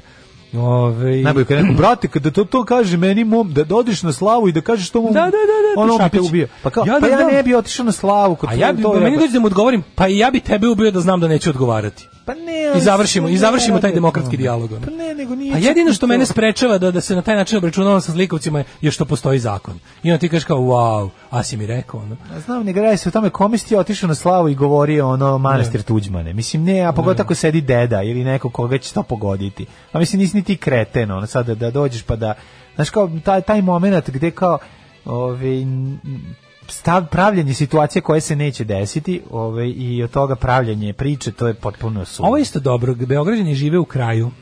Loša saobraćajna infrastruktura i sirotinja ne vode u gradsku koheziju. To je isto dosta tačno. I to je stvar, ne samo novo, Beograđani, novosađeni žive u kraju. I fragmentacija gradova, znači ne da, ali pazi, tu sad ima nešto to je jako čudno. To može da bude u jednu, u jednu ruku i prednost kad se dobro napravi, a možda bude i hendikep. Jer je fora fragmentirane gradske opštine bi trebalo da, mislim, pazi, sistem nije tako, ako već imaš fragmentirana grada, onda treba da imaš i fragmentiranu gradsku skupštinu. Da je varijanta, bilo bi super da predstavnici svih tih krajeva budu Znaš, kao ono, a mi imamo izbore u kojima ti jednostavno ne, ne, ne biraš nikog da predstavlja tvoj kraj. Naša skupština od lokalne do republičke ne predstavlja nikakve ljude. Ti znaš da ono kao, si gledao, sećaš se onog istraživanja da kao, naši, na, tipa, ne znam, 85% poslanika u Skupštini su iz Beograda, Novog Sada i Niša. Ne. Mislim, brate, milion. Znači, glas Glas Ne čuje se ga, se ne, ne čuje. čuje, pa da, Glas pa da. Kikinde se ne čuje. Pa da. I to je isto tako u gradskoj skupštini. Ti imaš isto maglovite liste gde ti glasaš za stranku, ona tamo pošalje koga hoće. I po, a koga pošalje? Baš će sigurno poslati. E, imali smo našeg čoveka koji je, ako ništa drugo, za celu stvar poginuo na Pejićevim salašima, ne znam, u, u, u Lupiću, u Krnjači se odro dupe da, da uradi nešto. Znam, ali jebi ga, nismo zato pravili izbore. Pravili smo izbore da žena moga, ono, žena našeg lika iz centrale da i ona ima neki mandat. Tako je. tako da, iz Vesnu jebi ga iz, iz Savračara, a razumeš ono Srki koji je, nemam pojma, gulio bulju po Krnjači, hvala mu puno, setit ćemo ga, zaposlit ćemo mu ženu. Slušaj naslov Tamo je. u kuriru, a, čistka, Ana, razjurit ćemo limuzina bandu. To mi ne to je kao li, gledao juče, limuzina banda. Jesi ti juče gledao, molim te, onaj predlog u utisku, ovaj, gde Ana Brnebić kaže, ko, kao, ko ima hrabrosti u tužilaštvu, zašto Srbija ne napreduje? Ko hrabrosti u tužilaštvu ima da se suprotstavi Đilasu? Pitam ja vas, pitam ja vas, jeste vi, kao, pitaju me ljudi zašto, mi smo zadovoljni, ali ne možemo, naše pravosuđe je jednostavno paralisano. Niko nema je, to su ljudi ipak koji imaju porodice, koji su kao, znaš, jesu oni kao dobri, ali suprotstaviti se ljudima koji imaju tu moć kao i onda krene da su- nabre da, da, da. to su jedni od najvećih tajkuna ne samo ovde nego na svetu Naravno. to su da, da vi shvatate šta znači kada vi pokušate se zameriti nekom ko ima 600 miliona evra i ti svi ljudi sa svojim kao Mislim, moramo imati razumevanje za tužilaštvo koje je tako malo tapko mestu, jer jednostavno nema snage da se suprotstavi Đilasu. Jebote Bogu. E, a pored ono kao, pored one Irena Vujović, ona skida i stavlja masku, više ne zna šta će od sebe, ono je presmešno jebote. Znači, znaš, ono, pričaš, Ana, Ana Brnemić koja pokušava sebe da ubedi u to što priča, a vidi se da je malo i dosadno koliko lupeta. Znaš, kao kad ja ono zabavljam decu četvrti sat, pa više, znaš, ono kao, prva dva sata sam se trudio da moje, da moje konstrukcije, što što pričam deci imaju nekog smisla, da smislim neki kanon, da deci imaju šta da pitaju, da ja kao odgovaram. U četvrtom satu je već ono kao anything goes. Samo nešto. Teo sam da imamo još jednu ovaj temu, ali sačuvat ćemo je za sutra. Istraživač, sutra. važnost istraživačkog novinarstva ćemo sačuvati za sutra, a mi idemo, slušamo pesmu jednu, Tako je. pa onda tako idemo je, jet set. Tako je, Ajde. može, može. Tata crnac. Pa neke si. Ajde, izvolite na kafu. Ušli ste unutra, dođite na kafu. Pa dobro. Ajde, izvolite. Alarm sa mlađom i Daškom. Duram, duram. Ne bih bio u toj koži. Ovo ja zovem dobro snimljenim bubljem. Nego šta, odličan bend. Čekaj, nisam u toku. S kim se slikao Slavko Banjac? Slavko Banjac se sliku s Vučićem. Slavko Banjac se Vučićem. Da, sve pogrešno. Sve Vuči, sve, sve pogrešno, da, da. E, Glas Jagodine se čuje, pa to je... Vučić i Slavko Banjac daće ti bosanac. Glas Samo da Jagodine ne- se čuje, to je samo zato što se sticajem okolnosti tamo je jedan od moćnika. Kao što se jedno vreme, sećate se, ni 90-ih se nije čula Srbija, ali se čuo recimo Svilajnac i Trstenik, Da, da, koji su da. by the way bedni. Ali su u to vreme imali Bidžu i Raku, I onda smo jebi ga slušali o tome što ništa dobro nije donelo ni Svilajncu ni Trsteniku, ostalo ostala crna rupa. Hoćemo u jet set? E, hoćemo, ovaj, e, ajmo da, da, ajmo, ajmo.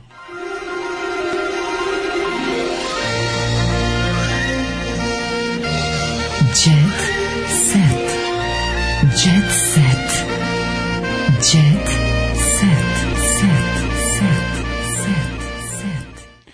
Evo ovako, ovaj, u 9.45 da vidimo šta je Baby Doll radila dva meseca nakon što je napustila reality farmu. Kaže, dva meseca sam nosila sekiru po Beogradu posle prve sezone realitija farma. Znači, E. možda zamisliš nju da uopšte ponosi, da po- podigne sekiru. Baby doll. Baby Doll mi ne izgleda kao neko ko To, može. to nije neki narkomanski slang za nešto. Ne znam, avangardna umetnica otkrila je nepoznate detalje svog privatnog života u svom odnosu sa suprugom Aleksom, kao i to da je bila žrtva nasi, vršnjačkog nasilja u školi. To je u sceniranje e, e, na kurir televiziji, to je ono što nikad nisam pogledao, a Da. postoji. Nosila hladno oružje, i to je izuzetno hladno oružje, zmrzno. toliko ja bilo sreću da imamo SBB, jebi ga, pa nismo ja sam pogođeni tim televizijom. od gospodina Poroke na poklon dobila sekiricu koja ja smatram hladnim oružjem. Dva meseca sam u tom sekiricom išla po Beogradu posle farme, nosila sam je, pa dobro, da se ne seče heroin. A Nosila ne kaže sam da nije dobro, dobro, dobro da se radi o pravoj sekiri od majstora. Da, da, ja sam da, mislio da. to neki junkie slang za nešto tako. Nosila sam sekiricu kao to je tipa To hero, miks, heroin da. u kom je mišomora ili, ili ne znam, ili tupa igla za špric ili tako. Ja sam izdvojila svoju veliku pobedu, ovaj, ista količina bezobrazluka kao u osnovnoj školi, priča o suprugu, mi jedan od mi se izjava Bajra Župića, protivnike sam tukao, ali nikog nisam povredio. dobro, dobro. Ovaj, Baby e, je moj muzički idol, kaže Nataša, ovaj, i to Nataša Bekvalac. E, koja je, by the way, zategnuta kao praćka prema pisanju Blica. Ja, jeste. Da, njen novi album biće feministički. Shvatila da je, she cornered the market. Pa nije skontala da tu, Skontala je tu da je, to, tu je da, da, dobro, da, da, da. tu treba ga Tu gaziti. treba gaziti. To je to je niša tržišta tržišna koju još niko nije osvojio. I može samo stidljivo. To je pokušala drugarica ovaj, kako se zove? Ko? A ne, ne, ne. Tošićeva, ova... Koja? Jan Karleuša? Karleuša. Pa dobro, ali hoće to bolje, ovo je malo više, ovo je malo pa ne, bolje. govorim pokušala je Karleuša. Hoće to bolje. A i na Vidi, kraju znaš šta je krajeva više problem? su Problem je taj, taj, to tržište je stedi, mislim kako rekao, tu imaš je tržište koje ne raste. ne raste, ne, ne, ne, ali ima jednu određenu populaciju, ali od toga se ne puni kombaka arena, to sam teo da kažem. Pa može, može, realno može, ali uz dobro baš. može, ali ne može se zaradi. Fora što recimo ako ke- ako if you cater to that market, onda je fora da ovaj računaš da je to jednostavno kao ovaj to što kažem Tu to, si, to, tu to si, pe- malo- tu Patreoniš, tu, tu, tu, tu moraš napraviš Patreon. Pa ne možeš da tu prispetiš dovoljno. ako, ako lepo balansiraš između ono kao između Ognjena Amidžića i feminizma, eto ti dobar život. Nije ona rekla da će sad da bude jebi ga ono bikini kill. Da. Nije rekla da će da potpiše za Kill Rock Stars i da izdaje ono novi album s Lunatics L7 da izda. Nego će samo onako kao u fazonu Best of both worlds. I dalje sedim Pojavit će se kod Ognjena Amidžića, I ali tad dalje- ćemo reći nemoj tako da pričaš o ženama. Jel tako, taj moment. To je će super prilika, jer on je toliko Da, da, jadno i da. providno mizogin da ono Da, kao ne, ne da, možeš, da. mislim tamo kad sedne tamo ceca da sedne ispašće feministička ikona, jednostavno čovjek tolika svinja da... Dobro, on po, posjeća zašto on ne smije ništa da kaže. Znaš a ne zato što... Kad prdneš sedi pored čoveka koji se usro. Da, Znaš, pa da, dok, dok, da, da. bar dok ti ne izvetri tvoje. Da, da, Tako da. da i ovo kao, znaš, ako hoćeš da budeš, mislim, odeš kod ovog namježića, pa odeš pa budeš progresivan kakav si dasi. Ali mislim da će to biti kao to, kao u fazonu, zašto ne bi na svoju inače ognje namidžićsku publiku dodale malo intelektualki iz Twittera, šta fali? Mislim, di- dinar je dinar. Ja, pravo si dinar. Ništa me ne košta. Dinar, Ovaj, pokloninom dinaru se u zube ne gleda. a, poklanjam jer znam kako je kad se nema Seka Aleksić ovaj, deli garderobu. Kraljica, Naša paraskeva sisata. Pa vidi, vidi, vidi kako to, vidi ti kako puca ta, ta Pa to, to, dobro, to, to dobročinstvo iz nje, kako to dre, Zemlja nek se trese. Dobit ću dugme u oko i neće mi biti. Kaži mi, jel te podsjeći malo, onako, kad se tako ona obuče, pa izgleda preko ono ko Marvelova junjak. Jeste, bre, ona je druna. Seka, mogla bi ona da bude. Seka. Seka. Ali da bude. što je Seka bila porno glumica čuvena 80-ih, pa će za zapadno tržište, ako se pojavi kao Seka, a da je dodaju još nekoliko k, opet nije dobro za, za zapadno tržište. Dobro, onda može Da ne bude Seka k, Pa onda može one njene neke... Može ona, znaš da uvijek stalno dolazi, ona se ne zove Seka, ona se Nego zove... Zuh, da, nešto Zuhdana, Zuhrija, ba- ono. Da, da, da. Ma može da bude, mislim, i Marvelova junakinje. Kažem ti, ne moraju... Zu, Zuhra Remizaj. Da, tako, tako nešto, je bilo. Zuhra je, da, da. da. E, Kako god da Aleksić kaže ovako, pevačica kaže da je naučena da pomaže ljudima, kad sam najmanje imala, bila sam srećna jer sam imala zdravu porodicu, e, odlučila da pokloni 10 haljina maturantkinjama svaka čast. A pazi, znaš šta, moram da kažem nešto. U njenu obrambu imam da kažem, meni bi inače bilo bez veze da ovaj kako se zove da kad se to radi javno, ali u njenom slučaju to je još i bolje. A sad ću da objasnim zašto. Znači kada ljudi rade nešto željni pažnje, pa urede nešto humanitarno, ovaj kako se zove, uh, urede nešto humanitarno, pa to kao bude protubačeno, što jeste u velikom broju slučajeva, samo reklamerski gest, jer ja bih kad pomažeš, ćutiš i pomažeš. Ali ovdje je super jer, pazi, priroda poklona je takva da mu sazna, da kad neko zna da si dobio Seka Aleksića mu pojačava vrednost. I zato mi je drago.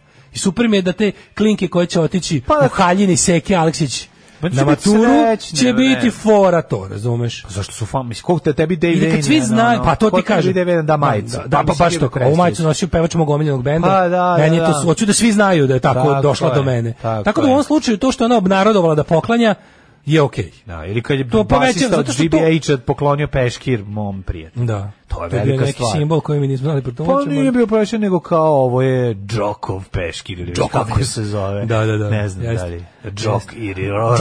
Džogi. Ili kako se zove. Velika akcija od Džoka Džogi. Ali je naš lekako lepo da znaš onda imaš taj peškir koji je on koristio na koncertu. Akcija od Džoka Džuzi. Da, da, da.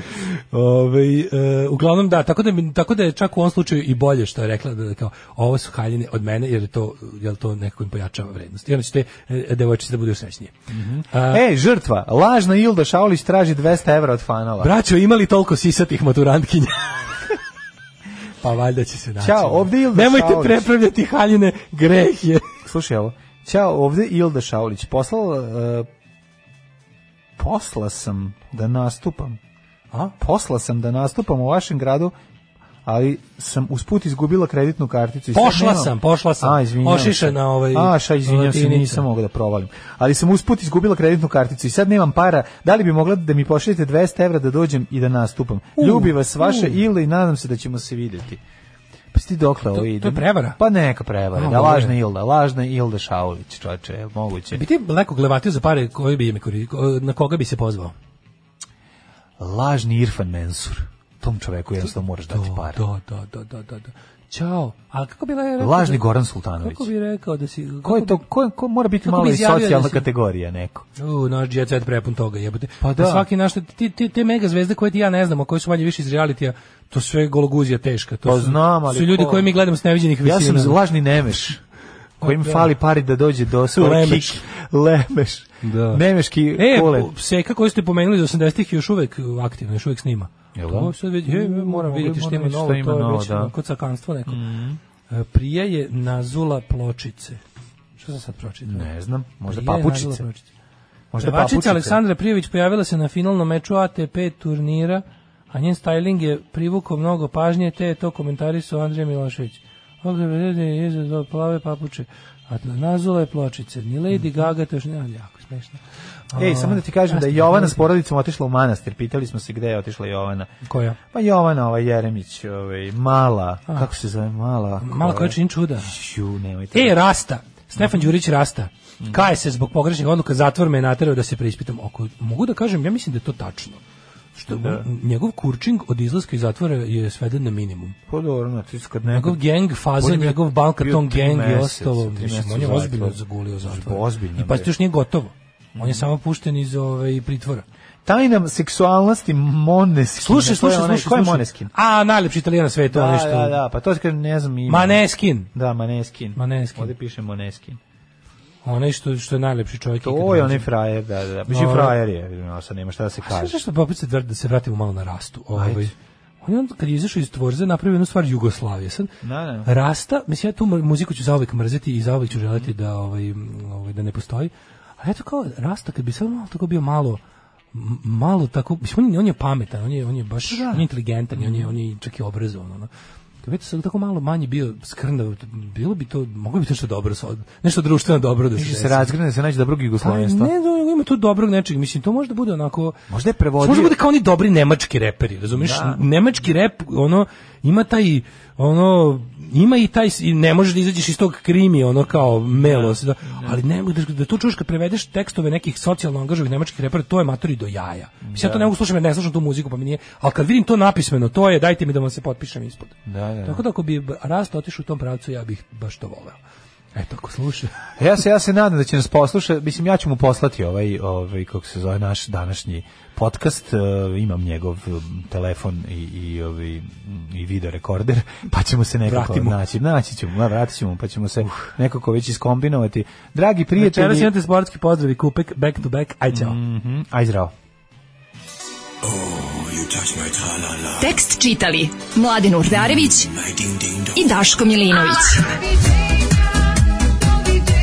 Ton majstor Richard Merc. Realizacija Slavko Tatić. Urednik programa za mlade Donka Špiček. Alarms svakog radnog jutra od 7 do 10. You touch my tra-la-la.